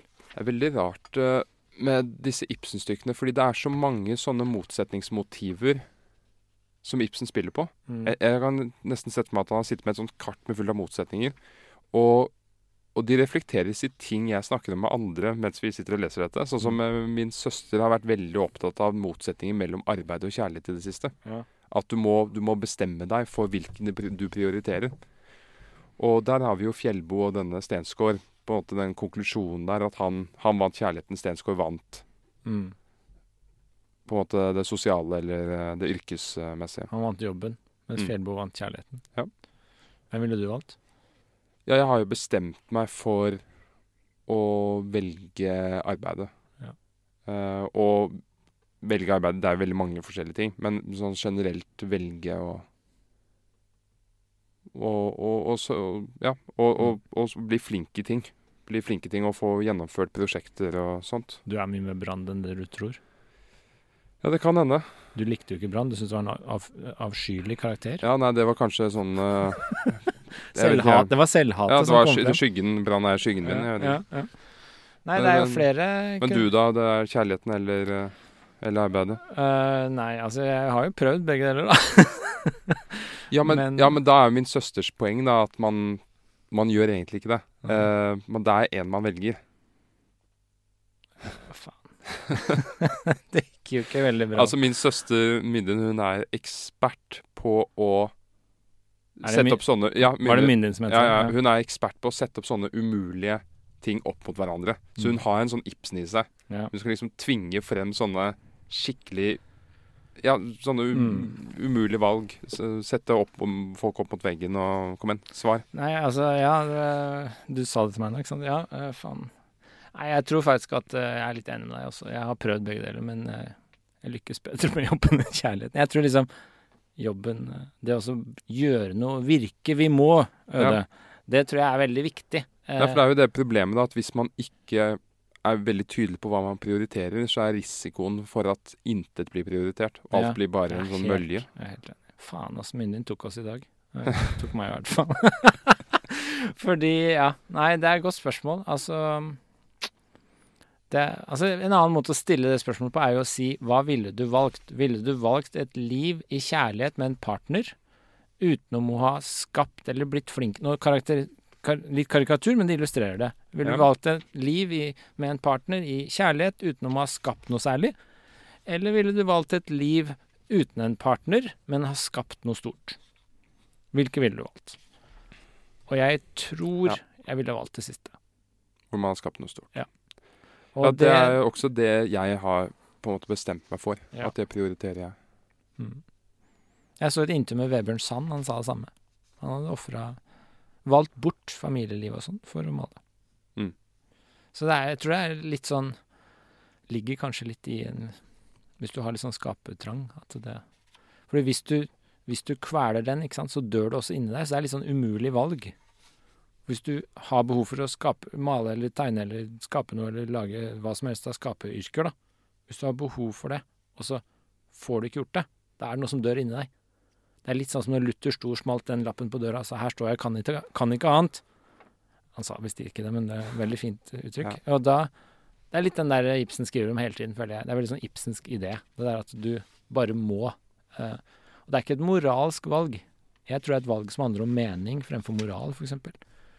Altså det er et valg som bare Det gir mening for deg å gjøre det, selv om det er kanskje til tider umoralsk, selv om det gjør deg ulykkelig, selv om det er mye negativt. Så er det et valg du må ta, for du kan ikke annet. Det er en slags tvang, egentlig. Indre tvangsdrift. Tvangstanker. Ja. Mm. Tvangsdrift. Kanskje like Og så er jo det store problemet, da, som også min søster påpekte, at veldig ofte det man bestemmer seg for, er det man ikke greier. Mm. Eh, så Fordi man, eh, man, man strekker seg mot det umulige. Og så, så, så folk, som er, folk som er veldig opptatt av den store kjærligheten, Mm. får jo har ofte store vansker med den. Mm. Folk som er veldig opptatt av sitt arbeid, de, de er ofte veldig flinke på kjærlighet. Mm. Det blir ikke så nervøst. Dette er jo litt sånn, minner litt om det som kalles sånn lykkeparadoks også. Altså hvis du aktivt går inn for å bli lykkelig, så blir du ikke lykkelig. Mm. du må på en måte glemme det, og så må det komme som en bieffekt av noe du gjør. Ja, det er nettopp det. Eh, Det er litt sånn som hvis du aktivt går inn for å bli forelska, så blir du ikke forelska. Da blir du kanskje forelska i det å bli forelska, og så lurer du deg selv til en viss grad. Du må på en måte droppe den andreordens, og tenk, ikke tenke så mye på det, og så bare gjøre noe, og så kommer det kanskje. Det er sånn kjent paradoks i, Ja. i lykkeforskning og Ja. sånn. Da er jo, da er vi jo langt inn i daoismen også. Så det var klokt observert av din søster Myndin, der. Mm. Men eh, en, en smule konfronterende. Veldig konfronterende. Jeg følte jeg ble avkledd her i dag. Og jeg er veldig ukomfortabel når jeg blir avkledd. Men her er et sitat jeg likte. Uh, fordi kammerherren Han sier blant annet til Monsen, som er denne rike, som er litt sånn ikke denne arva gamle rikdommen, ikke sant, som du nevnte. Og Monsen, han snakker litt om eh, sitt liv, og han hadde jo Hans far var tømmerfløter. Og det er jo ikke veldig stas. Det er når du går opp på tømmeren for å få nedover elva, og det er halvparten av dem daua fordi rått, da. de datt gjennom tømmeren og daua, ikke sant. Det er veldig kult. Ja, det er veldig kult og veldig macho, men det er, det er jo livsfarlig og ikke særlig høystatusyrke, vil jeg tro. Blant oss to er du i høystatus. Ja, ja, men ikke den gang. Nei. Eh, og så sier eh, Monsen eh, snakker litt, og så sier kammerherren Det var deres eksempel der smittet ham liksom de andre. Hvorfor ble de ikke ved deres lest? sier han til Monsen. Tømmerfløter liksom min far, sier Monsen. Og det som kammerherren presser litt et par steder i stykket, er jo det derre at ting Og dette er kanskje en side jeg ikke er sånn kjempefan av med kammerherren, da, men det er det at ting har sin naturlige plass. Og folk har sin naturlige plass i et hierarki. Ja, det er jo somewhere-filosofien. Ja, slik at uh, han presser det her litt. Han sier til Monsen liksom hvorfor prøvde du så innmari hardt? Hvorfor ble du ikke bare der du hørte hjemme? Det er lett for kammerherre Brassberg å si som hørte hjemme på toppen. så er det veldig lett å si det. Men det er litt vanskeligere hvis du er lenger nede i hierarkiet og så har lyst på noe annet. Og så bare si nei, nei, hvorfor ble du ikke ved din lest? Tømmerfløter som min far. Altså, så jeg tror det, det spillet der er også litt interessant, syns jeg. i er, stykket, da. Det er jo det, men som vi snakket om sist, så er jo disse somewhere De som står for somewhere, de er jo blitt de siste 50 årene latterliggjort Mm, som de som tok feil. mm, Um, liksom, nettopp av det, fordi hvor skal man hindre mennesker i å søke lykken? Men samtidig så er vi nå kommet Vi har tredd inn i en ny verden hvor det er litt for mange mennesker som hele tiden søker vekk. ja. Oppbrudd og kaos. Så det er, ligger jo en visdom i det med å bli ved sin lest, altså. Ja, ja, det er absolutt. Og det er det som er litt sånn frustrerende med det. Altså, det er noe sant i det, men det føles galt også. Det er derfor det er interessant å lese når han sier det. Ja, sant? det er jo som myndigheten det er sånne Du, du plasserer et, et umulig valg altså to ting Mm. opp mot hverandre, og du blir tvunget til å velge, og det er umulig å velge. Mm. Jeg tror også ofte det er en konflikt eh, mellom sånne ting eh, i forskjellige typer verdier også. Altså, jeg tror du kan f.eks. Hvis du bare aksepterer din situasjon og plass, så tror jeg du Og du klarer å faktisk akseptere det, så tror jeg du kan bli lykkeligere. Men jeg tror det er vanskelig hvis du først ikke klarer å akseptere det ordentlig. Så tror jeg du søker noe som er mye mer meningsfullt for deg. Og det kan ofte gjøre deg ulykkelig, men det er en annen type verdi jeg tror du ofte bør søke da. Det forsto jeg ikke helt. Det var litt Det ble. Jeg, jeg prøvde å pakke det inn uten å Altså, du sier altså at man kan Man står OK, det er en uro. Man kan velge aksept. Prøvde ikke å bli personlig der. privat, Privat, mener du? Ja, Prøvde- privat. Ja. Ja. si det. det. Man, man, man, man, det er noe som gjør en urolig, og man står overfor et valg. Enten akseptere det, eller endre på det. Altså, la oss si, her er et eksempel. La oss si du er født og oppvokst i Vormsund. Tilfeldig sted i Norge. Hvor da? Vormsund. Tilfeldig Vormsund, ja. Tilfeldig sted i Norge. Ja. Uh, og så, på et tidspunkt, så så, så vil du bare vekk derfra. Det er for trangt for deg. Ja. Og så stikker du, ikke sant? Så fort du kan. Etter videregående. og, så, og så gjør du ting som på en måte gjør at du får lov til å blomstre litt, da. Som du ikke kunne gjort der. Og så får du følgende dilemma. Dette er kanskje litt sånn myndinsk dilemma. Fordi da blir det mer sånn Du, du tenker sånn Mange av de som aldri dro, er antageligvis mye lykkeligere enn deg. Fordi de aldri streba utover der de var. På samme måte. Det er litt det Ibsen skrev om i stad, ikke sant? Mm. Mens på den, Så du tenker sånn det, Jeg hadde vært mye lykkeligere om jeg bare aldri prøvde på noe annet. Men på den annen side så tenker du sånn Det er jo mye mer meningsfullt å prøve på noe annet.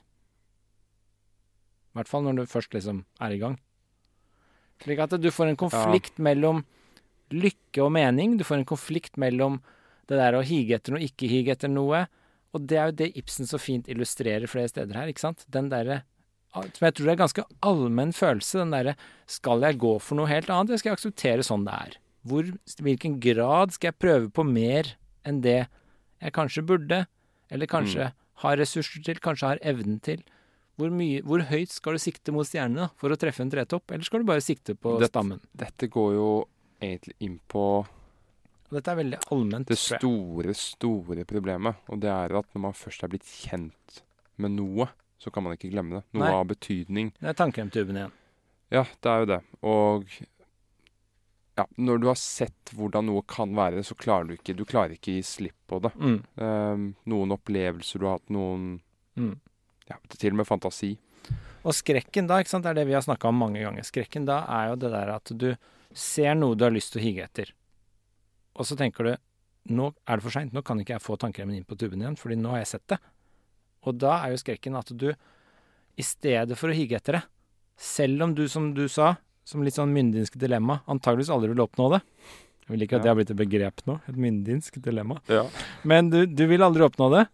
Selv om det skulle skje, så er jo skrekk Jeg vil heller da kjempe til jeg dør og aldri oppnå det, enn å begynne å for eksempel plutselig fornekte det, og begynne å late som jeg egentlig vil noe annet, og begynne å late som dette er dårlig, eller begynne å nedsnakke det, og så gå i full konfrontasjon motsatt retning. For da får du en sånn fornektelse, Ja. sånn mindreverdskompleks og usikkerhet, og da kommer alt jeg ikke liker med mennesket opp. Det spørs jo litt Man må tenke litt rasjonelt. Da. Det spørs jo litt hva som er dilemmaet. For, ø, altså, det, det må være noe man kan gjøre noe med. Fordi det fins visse ting som, som det kan være veldig lurt å akseptere. Nettopp fordi man kan ikke gjøre noe med det. F.eks. hvis noen, en nær person har dødd, så er faktisk eneste fornuftige ting å gjøre, er å akseptere det. Ja. Bare helle litt vann her. Ja, jeg er enig i det. Um, Så Men altså, jeg tenkte mer nå på sånn derre Å skaffe deg på en måte et sted At du finner det stedet du vil bo, eller du får deg den jobben du vil ha, eller du klarer å skape noe du har lyst til å skape. Altså, det å skaffe seg noe, tilegne seg noe som gjør deg litt stolt, da. Det, og som liksom tilfredsstiller litt, at du føler du blomstrer litt, og litt sånne enkle ting. Det bør ikke være en stor vitenskapelig oppdagelse eller bli verdens største kunstner eller noe. Det er bare litt sånne enkle ting i hverdagen, at man oppnår noe man streber etter. Og spørsmålet er hvor mye skal du gjøre det versus ikke gjøre det. Jeg Eh, tenker at når man, når man har bestemt seg, man har bestemt seg for å strebe, så blir menneskene Menneskene man velger å ha i sitt liv, blir en, det blir enda viktigere. Hvilke mennesker man velger. Mm. Og man velger jo ofte mennesker som strever med noe lignende. Mm. Eller som du iallfall kan relatere til. Hvis du har bestemt deg for å virkelig anstrenge deg, så blir visse mennesker uutholdelige. Ja. Vi så det jo litt her at for Hans Stensgaard så er jo denne fjellboen nesten uutholdelig. Ja, Han holder den også igjen, ikke sant? ved at han vet hvem og hvor han kommer fra. Ja. Men jeg, ja, jeg, tror, eh, jeg tror det her er ganske viktig lærdom, faktisk, fra det stykket her også. Eller fra alle de stykkene så Mm. langt. For jeg tror det eh, Som sagt, skrekken er det derre selvfornektende individet. Det, det som på en måte bare later som du vil noe annet fordi det er innsett at du ikke vil oppnå det første. Så du fikk aldri jobben, og så derfor så hater du den jobben. Så du elsker den nye jobben din. så var det egentlig den første du ville ha. Ja. Og så vet alle det. Ja, er du, du sånn- satt i søkekomiteen, så du vet at den fikk avslag. Og så er det bare Nå er plutselig den jobben det verste i verden for den personen, for den nye er helt topp. Da vet du liksom at det er dobbeltspill her. Mm. Og den disharmonien i en person er så trist.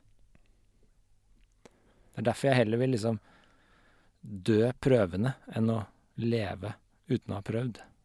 Ja. Eller dø prøvende heller enn å leve i fornektelse med noe annet. Nei, man skal, man skal anerkjenne Anerkjenne det man er blitt kjent med, at det er blitt viktig for en. Ja. Um, jeg husker det var, det var en film, en tysk film, som hadde en avslutning som gjorde ganske sterkt inntrykk på meg for mange år siden. Og det var en eventyrfilm efter Brødrene Grim. Mm. Drosselbart heter den vel på tysk. Og det handler om en prinsesse som er helt umulig. Mm. Hun sier nei til alle frierne og er veldig bortskjemt. Så kommer den ene frieren, og Er det den prinsesse Nei takk kommer fra? Det uttrykket? Det er kanskje det.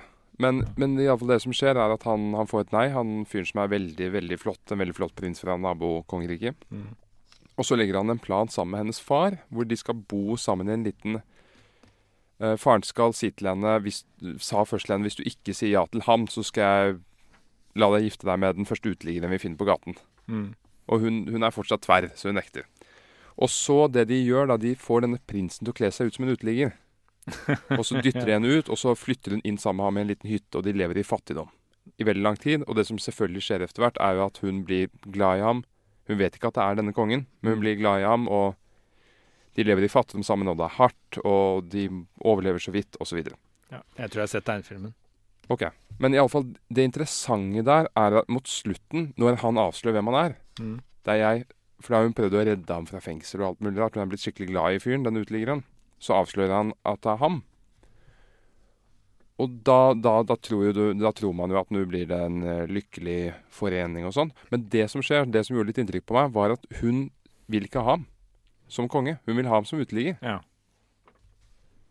Og, og det på en måte det, det hadde kanskje ikke kongen forventet da, når han skulle, skulle introdusere denne verden for henne, introdusere uteliggertilværelsen, så, så glemte han at oi, dette kan faktisk gjøre så mye inntrykk at det er et sånt liv hun har lyst til å leve. Mm.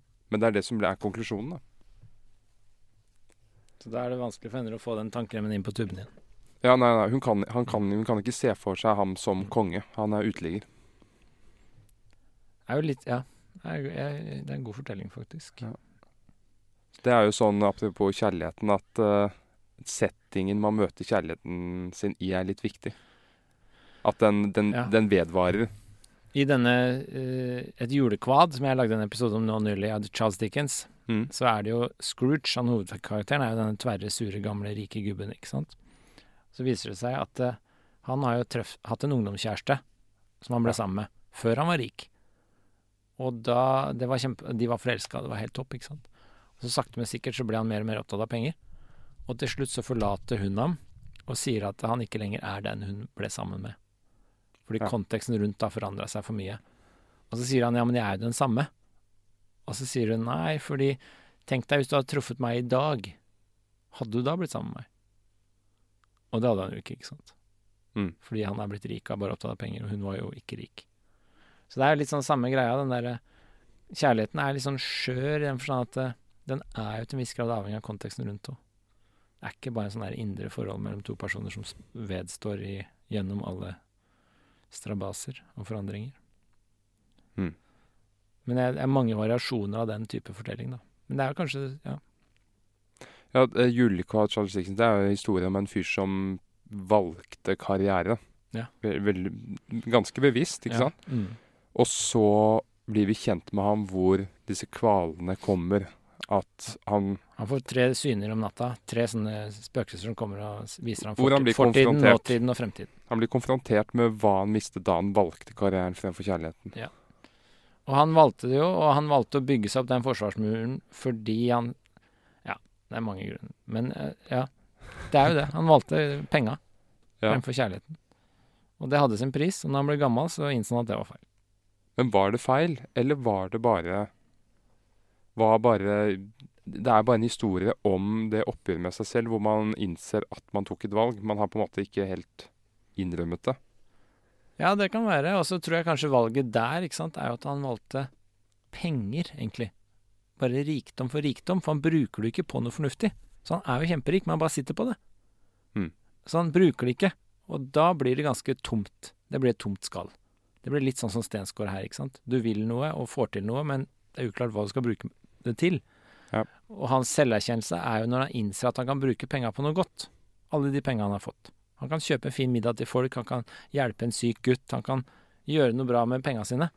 Og da er det han finner hjem igjen til seg sjøl. Men så er det dette at han må akseptere at den kjærligheten, den er over Ja, med denne kvinnen. ja, det må han. Og hun får jo unger med en annen og lever et fint liv uten Ja. han. Så han har jo ofra noe. Det er jo et offer som alt annet. Det er jo det som er det myndighetske dilemmaet her òg, ikke sant. Altså at man må ofre noe for noe. Alt er et offer for noe. Skal du ofre kjærligheten for jobben, karriere, skaper ting, eller skal du ofre det drivet til å skape noe for kjærligheten, eller hva skal du ofre for hva? Det er det som er det store spørsmålet. Mm.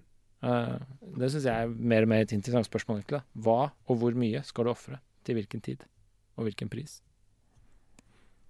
Ja, og hvordan, eh, hvordan blir man klar over i Scrooge sitt tilfelle, da? Hvordan vet man om man har fornektet noe, eller skapt seg en sånn Hva, hva var det du kalte det i sted? Eh, et skjold av eh, Forsvarsmur og vegg og forsvarsmur. Ja. eh, Hvordan vet man at man ikke har gjort det? Nei, da må du gå til psykolog. Det er kjempedyrt. Det koster 2000 kroner hver time. Ja, nei, Da kanskje man heller skal lese Ibsen. ja, jeg tror det funker. Er da skal Da skal man lese Ibsen, uh, og så ta det innover seg, det du leser. Det er jo lett å la seg lure av sånne ting òg. sånn, dette er jo litt sånn psykoanalysens dilemma, ikke sant. Altså, det er en ganske sånn litterær kvalitet over psykoanalyse, slik at det, det er lett å spinne seg inn i en fortelling som gir veldig mening. Men så er det ikke Ja. sikkert det er noe hold i det, ikke sant. Det kan du bare lage deg en ny myte. Ja, det er det. Det er det, den som er litt vrien. Ja, Vi, vi bare elsker gode historier. Ja, og så blir det bare en slags ny forsvarsmekanisme som bare gir deg en ny mur. Det er litt vanskelig akkurat det, faktisk. Mm. Men tilbake til Ibsen her. Lundestad sier en ting som er litt eh, Nok en gang illustrerer Stensgaard, og hvorfor jeg ikke liker den. Lundestad sier han har evne til å rive mengden med seg.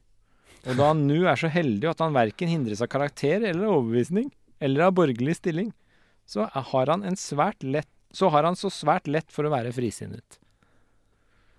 Ja. Han er ikke, hindres ikke av verken bakgrunn, yrke, karakter, ingenting. Han bare river mengden med seg. Det sier egentlig veldig mye. Ja, han er, han er på en måte Nei, han gutten med gullhåret, liksom. Han, han har dette ene talentet, og det er å holde taller. Kameraet sier litt før det 'som man reder, så ligger man'. Det er jo veldig Ja, eller Klisjé. ligger er vel kanskje ikke klisjeen. Som man reder, så rår man, eller Nei, Du reder jo senga di. Du reder opp senga di. Du reder rede. Så du reder Ja, jo sånn, der du ja. ligger. Mm. Så hvis du reder opp senga di pent, så kommer du og legger deg i en pen seng. Hvis du bruker senga di som søppelkasse, så kommer du og legger deg i en søppelkasse. Dette har vi jo snakket om før, Einar, at uh, hvis man har en mor som rer opp sengen for en, så ligger man jo ikke som man reder. Nei, det er sant. det var vel off camera vi snakka om det, eller? Nei, jeg vet ikke. Skjønner. Men tilbake til Ibsen, så er det her også en ting som eh, blir sagt av kammerherren.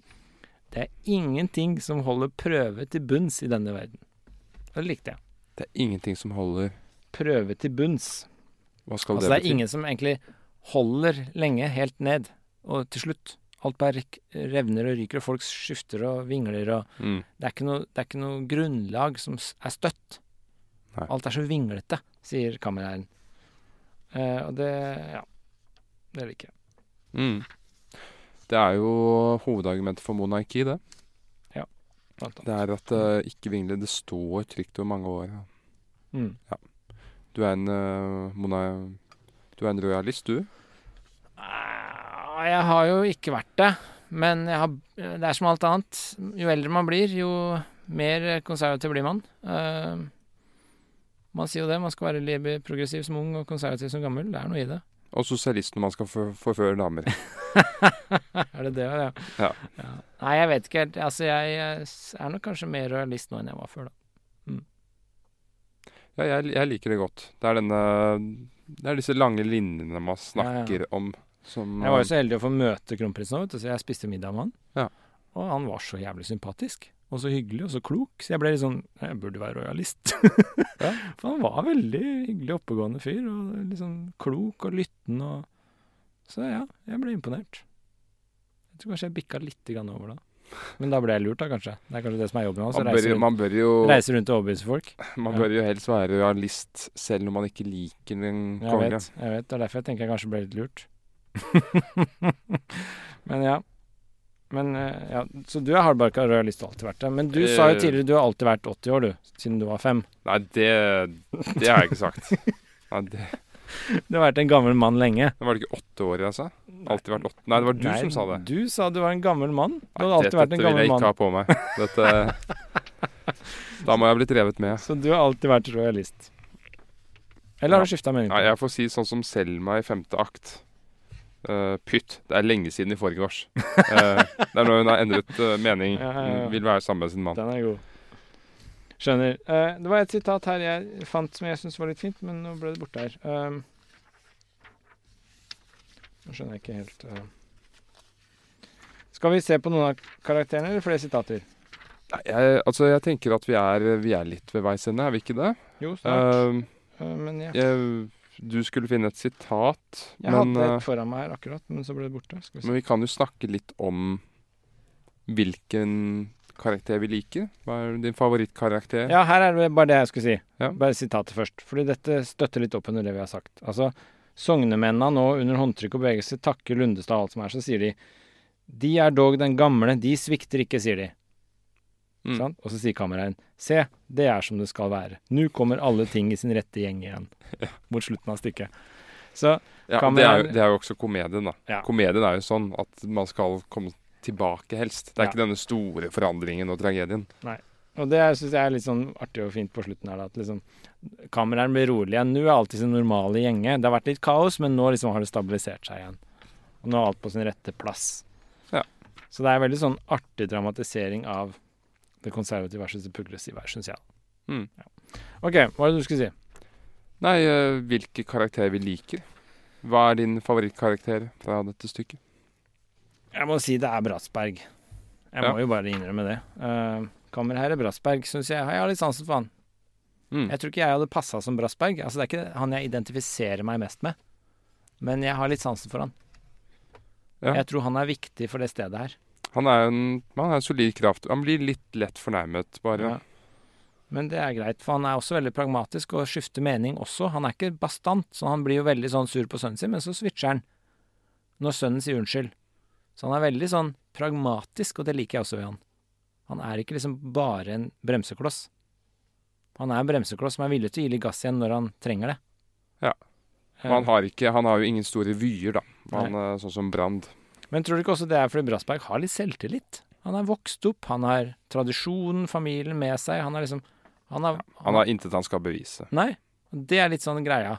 Mens alle de andre de skal liksom stå på bordet og Det er jo- Det er jo faktisk noe av det mest ukomfortable jeg vet. Det er mennesker som føler de har noe å bevise. Ja. Det er veldig slitsomt å ha rundt seg. Mm. Det er ofte litt sånn usikkerhet og mindreverdskompleks som driver Mm. sånne ting.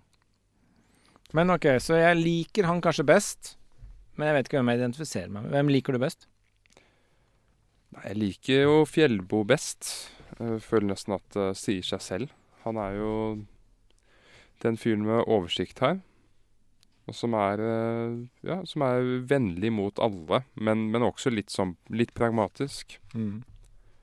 Og, eh, ja, og spesielt den talen hvor han snakket om oppdragelsen og sønnen, syns Mm. jeg er veldig spennende tanker. Men det er vel ikke den du identifiserer deg mest med? Han har jo ingen higen etter noe. Nei, det, det er sant. Uh, jeg, jeg kan egentlig ikke si at det var noen jeg identifiserte meg veldig sterkt med i dette stykket. Ikke jeg heller. Det er det som er problemet, tror jeg. Det var derfor jeg liksom ikke følte det stakk så dypt. Ja. Uh, men ok, det er jo interessant. Vi fant hver vår karakter, identifiserte oss ikke med noen spesielt. Nei, det gjorde vi ikke. Men vi har jo alle disse karaktertrekkene. Jeg har jo liksom litt sånn Stensgaard i meg, jeg har litt Fjellbo i meg, jeg har litt Brassberg. Det er det som gjør Ibsen til Ibsen. Ja, ja. Det, det er klart. Og så Kanskje den jeg har minst av meg eh, Boktrykker Aslaksen, det kjenner jeg meg veldig litt igjen i. Han som drev det magasinet. Ja, han som driver dette Bladet. dette bladet, og som Ja. er veldig Hva skal jeg si? Han er ganske Han er ganske irritert over situasjonen sin. Mm. Han, han, han, har ikke noe det er, det er ikke noe vanskelig for ham å fortelle andre om det. Han, han vil gjerne fortelle hvordan han, han er blitt dårlig behandlet. Han, har dette offer... Mm. Hva skal, hva skal man kalle det? Når man liker å gjøre seg selv til offer. Han liker å hele tiden gjøre seg selv til sånn martyr. Og det, det kjenner jeg ikke igjen i det hele tatt. Jeg liker ikke de som gjør seg sjøl til martyr hele tiden. Ja. Nei, det kan være litt underholdende, men uh... Men et interessant spørsmål vi aldri stiller oss, er hvilke karakter kjenner du deg minst igjen i? Ja, det, er jo, det blir jo Aslaksen. Den kjenner jeg meg veldig lite igjen i. Mm. Ja, så det var ikke bare at du ikke likte den, men du kjenner deg veldig lite igjen i den. Uh, ja, det er Ja. veldig lite. Men hvilke karakterer er det du liker dårligst? Det kan jo være noe annet. Ja, det er jo denne Stensgaard. Stensgaard. Så du Ja. liker ikke Stensgaard. Nei, det, dette er jo et opplagt uh, antiheltedrama, er det ikke det? Hvilke ville du minst vært? Jeg kom til å tenke på underveis det er en person jeg ikke ville vært. Nei, altså, dette er jo opplagt. Allmuen. Det står her i persongalleriet. Folk av allmuen. Det er veldig god. Jeg tenkte på oppvarteren. Jeg ville ikke vært oppvarteren. Ja. Han som bare går rundt og serverer ja, varter opp. det er jo litt fint, da. Ah, det høres veldig kjedelig ut. Jeg takler ikke å varte opp folk. Nei, nei. Eh, nei det er sant. Det, det, da må man spille. Ja. Og du, du liker kanskje ikke å spille. Nei, jeg klarer ikke å Altså, jobbe på restaurant jeg Jeg hadde ikke klart det. Jeg hadde blitt så stressa. Og, Du må, du må ta på deg et smil, som det heter. ja. Nei, det går ikke. Men OK, det var bra.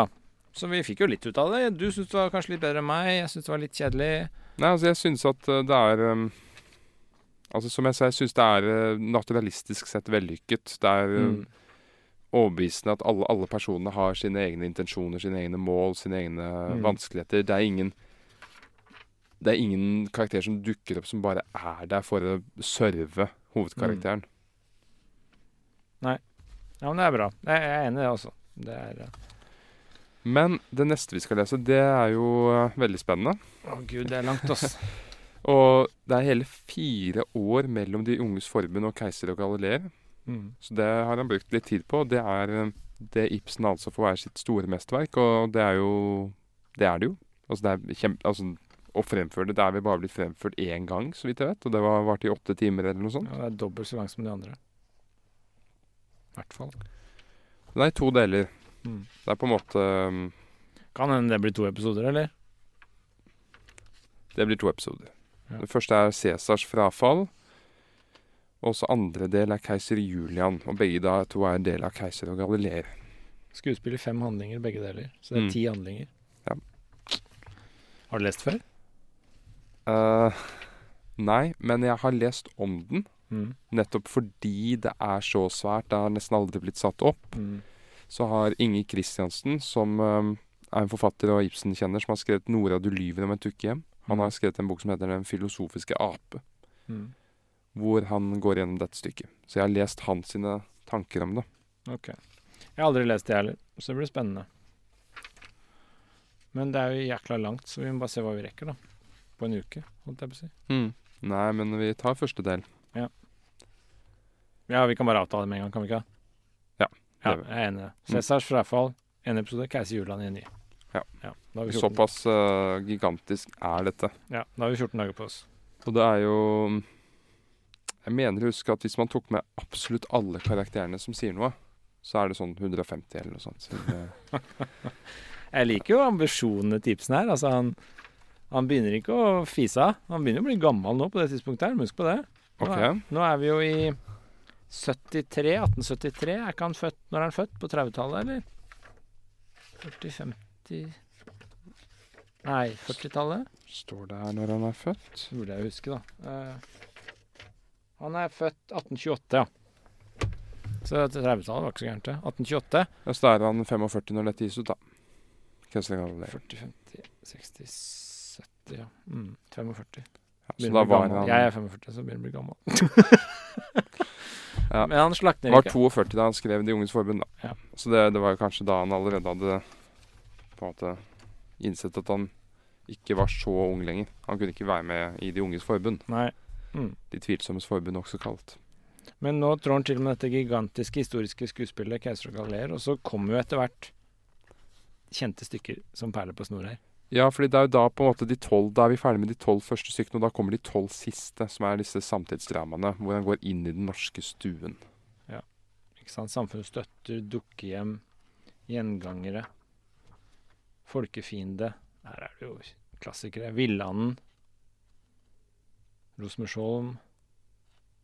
Det er mye bra som kommer utover her nå. Er Nesten Ja. litt prestasjonsangst, jeg. Fruen fra havet. Hedda Gabler. Shit. Helt avslutningsvis vi, vi, som er, vi har blitt så flinke på Lille Eyolf gleder jeg meg til du skal lese. vi, vi er blitt så flinke på å korte ned handlingen Ja. eller handlingstema til én setning eller to. Mm. Um, og det Vi ble enige om at De unges forbund var Ja, det er om denne fyren som, som vil opp og frem i samfunnet. Mm. Men kan vi si like enkelt hva som på en måte er moralen i stykket? Ja. Har du et forslag? Mm. Jeg kan prøve et, så kan du si hva du syns. Ja. Moralen i stykket er jo at du må ha noe mer enn bare det å ville opp og frem her i verden. Du må ville noe mer. Du må ha noe innhold. Du kan ikke bare være på TV for å være på TV. Du må ha noe å si. Ja. Det føler jeg er moralen her. Hva Ja. tenker du? Jo, det er kanskje Det er kanskje én. Men jeg, jeg føler ikke at den Jeg føler ikke at det er en moral som Altså, jeg føler ikke at de andre her i stykket mot slutten, når alt er blitt bra igjen, er klar over det. De tenker ikke over det. De tenker Mm. bare at de er kvitt en fyr som lader masse intriger. Ja. Men eh, til leseren, absolutt. Du må ha noe innhold. Det som er, kanskje er litt flatt i det stykket, her, er at Stensgaard gjennomgår jo på en måte ikke noen forandring. Og jeg føler at et godt plott og en, go en god dramatisering bør karakteren, hovedkarakteren gjennomgå en forandring. Det er litt sånn aristotelisk tankning. Ja. tenkning. Det skjer jo ikke med Stensgaard. Han Nei. er akkurat like flat på begynnelsen og på slutten. Det er Bratsberg som gjennomgår en endring. Til en viss grad. Ja, Han blir litt ja. mer åpen. Mm. Ikke så Ja, nei, det er det. Altså, ja. Så, så kanskje litt sånn, hvis du hever blikket litt, så er det jo et lite samfunn som har veldig Som er veldig konservativt og tradisjonsbundet. Så kommer det en liten progressiv, frisk pust. Det er ikke noe særlig innhold i det. Men alle blir litt oppstøtt, eller litt sånn Det, det blir rasla litt i, i røttene her. Og så roer det seg til en viss grad igjen. mm. Det er det som skjer i stykket, egentlig. Og moralen er Kan være godt, kanskje litt sunt, med litt sånn frisk pust innimellom. Men ikke glem liksom Ja. kammerherre Bratsberg. Det er en annen lærdom jeg tenker på, Mm. og det er denne Stensgaard som driver med alle disse intrigene sidene. Mm. At det kommer jo frem etter hvert at det hadde ikke vært nødvendig å gjøre det. Det var andre som ville ha ham frem allikevel. Sånn som Lundby som var ferdig med politikken, og Mm. Bratsberg som ja, ja, vi kan, som gjerne vil ha en ny fyr inn. Han er, han står jo, han er jo den stødige kraften uansett. Og, og så er det dette at Lundby var jo en gang Det, er vel noen Lundestad. Lundestad. Lundestad Ja. Mm. var jo en gang ung, han også. Det er noen kommentarer som kommer frem her, Mm. og han ble akseptert da.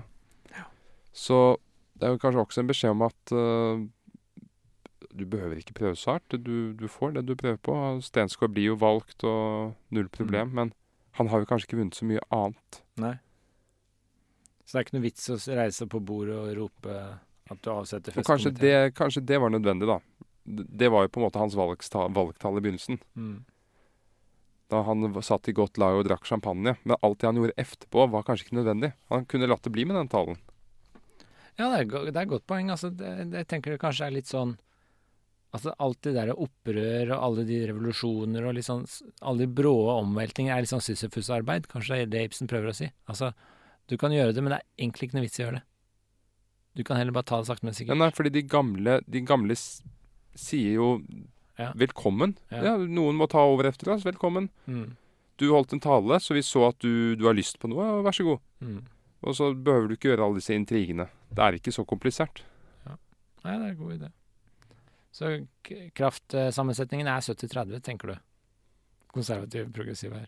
Ikke prøv å gjøre det til omvendt, eller Ja. 50-50.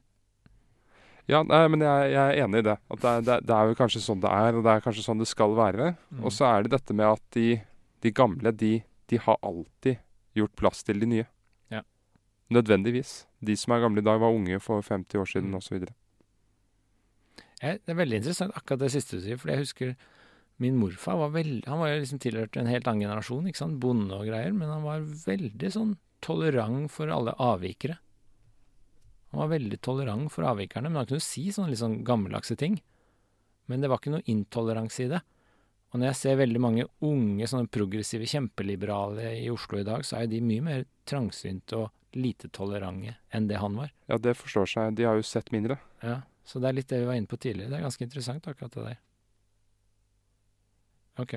Med det så tenker jeg vi kan eh, avslutte. Ja. Og så, så får vi bare gyve oss løs på, på dette storverket. Det jeg har gruet meg til. Ja, jeg grugleder meg. Neste episode blir da første del av det store stykket 'Keiser og Galileer', et verdenshistorisk skuespill, som Ibsen kalte dem. Og første del er da Cæsars frafall. Vi ses. Vi ses.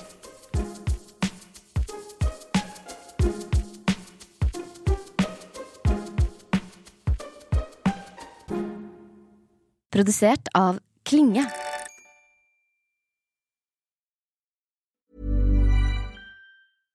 Imagine the softest sheets you've ever felt. Now imagine them getting even softer over time. That's what you'll feel with Bowl and Branch's organic cotton sheets. In a recent customer survey, 96% replied that Bowl and Branch sheets get softer with every wash. Start getting your best night's sleep in these sheets that get softer and softer for years to come. Try their sheets with a 30-night guarantee. Plus, get 15% off your first order at bowlandbranch.com. Code BUTTERY. Exclusions apply. See site for details. Hi, I'm Daniel, founder of Pretty Litter. Did you know cats tend to hide symptoms of sickness and pain? I learned this the hard way after losing my cat, Gingy. So I created Pretty Litter, a health monitoring litter that helps detect early signs of illness by changing colors, saving you money and potentially your cat's life. Pretty Litter is veterinarian developed, and it's the easiest way to keep tabs on your fur baby's health right at home. Go to prettylitter.com and use code ACAST for 20% off your first order and a free cat toy. Terms and conditions apply. See site for details.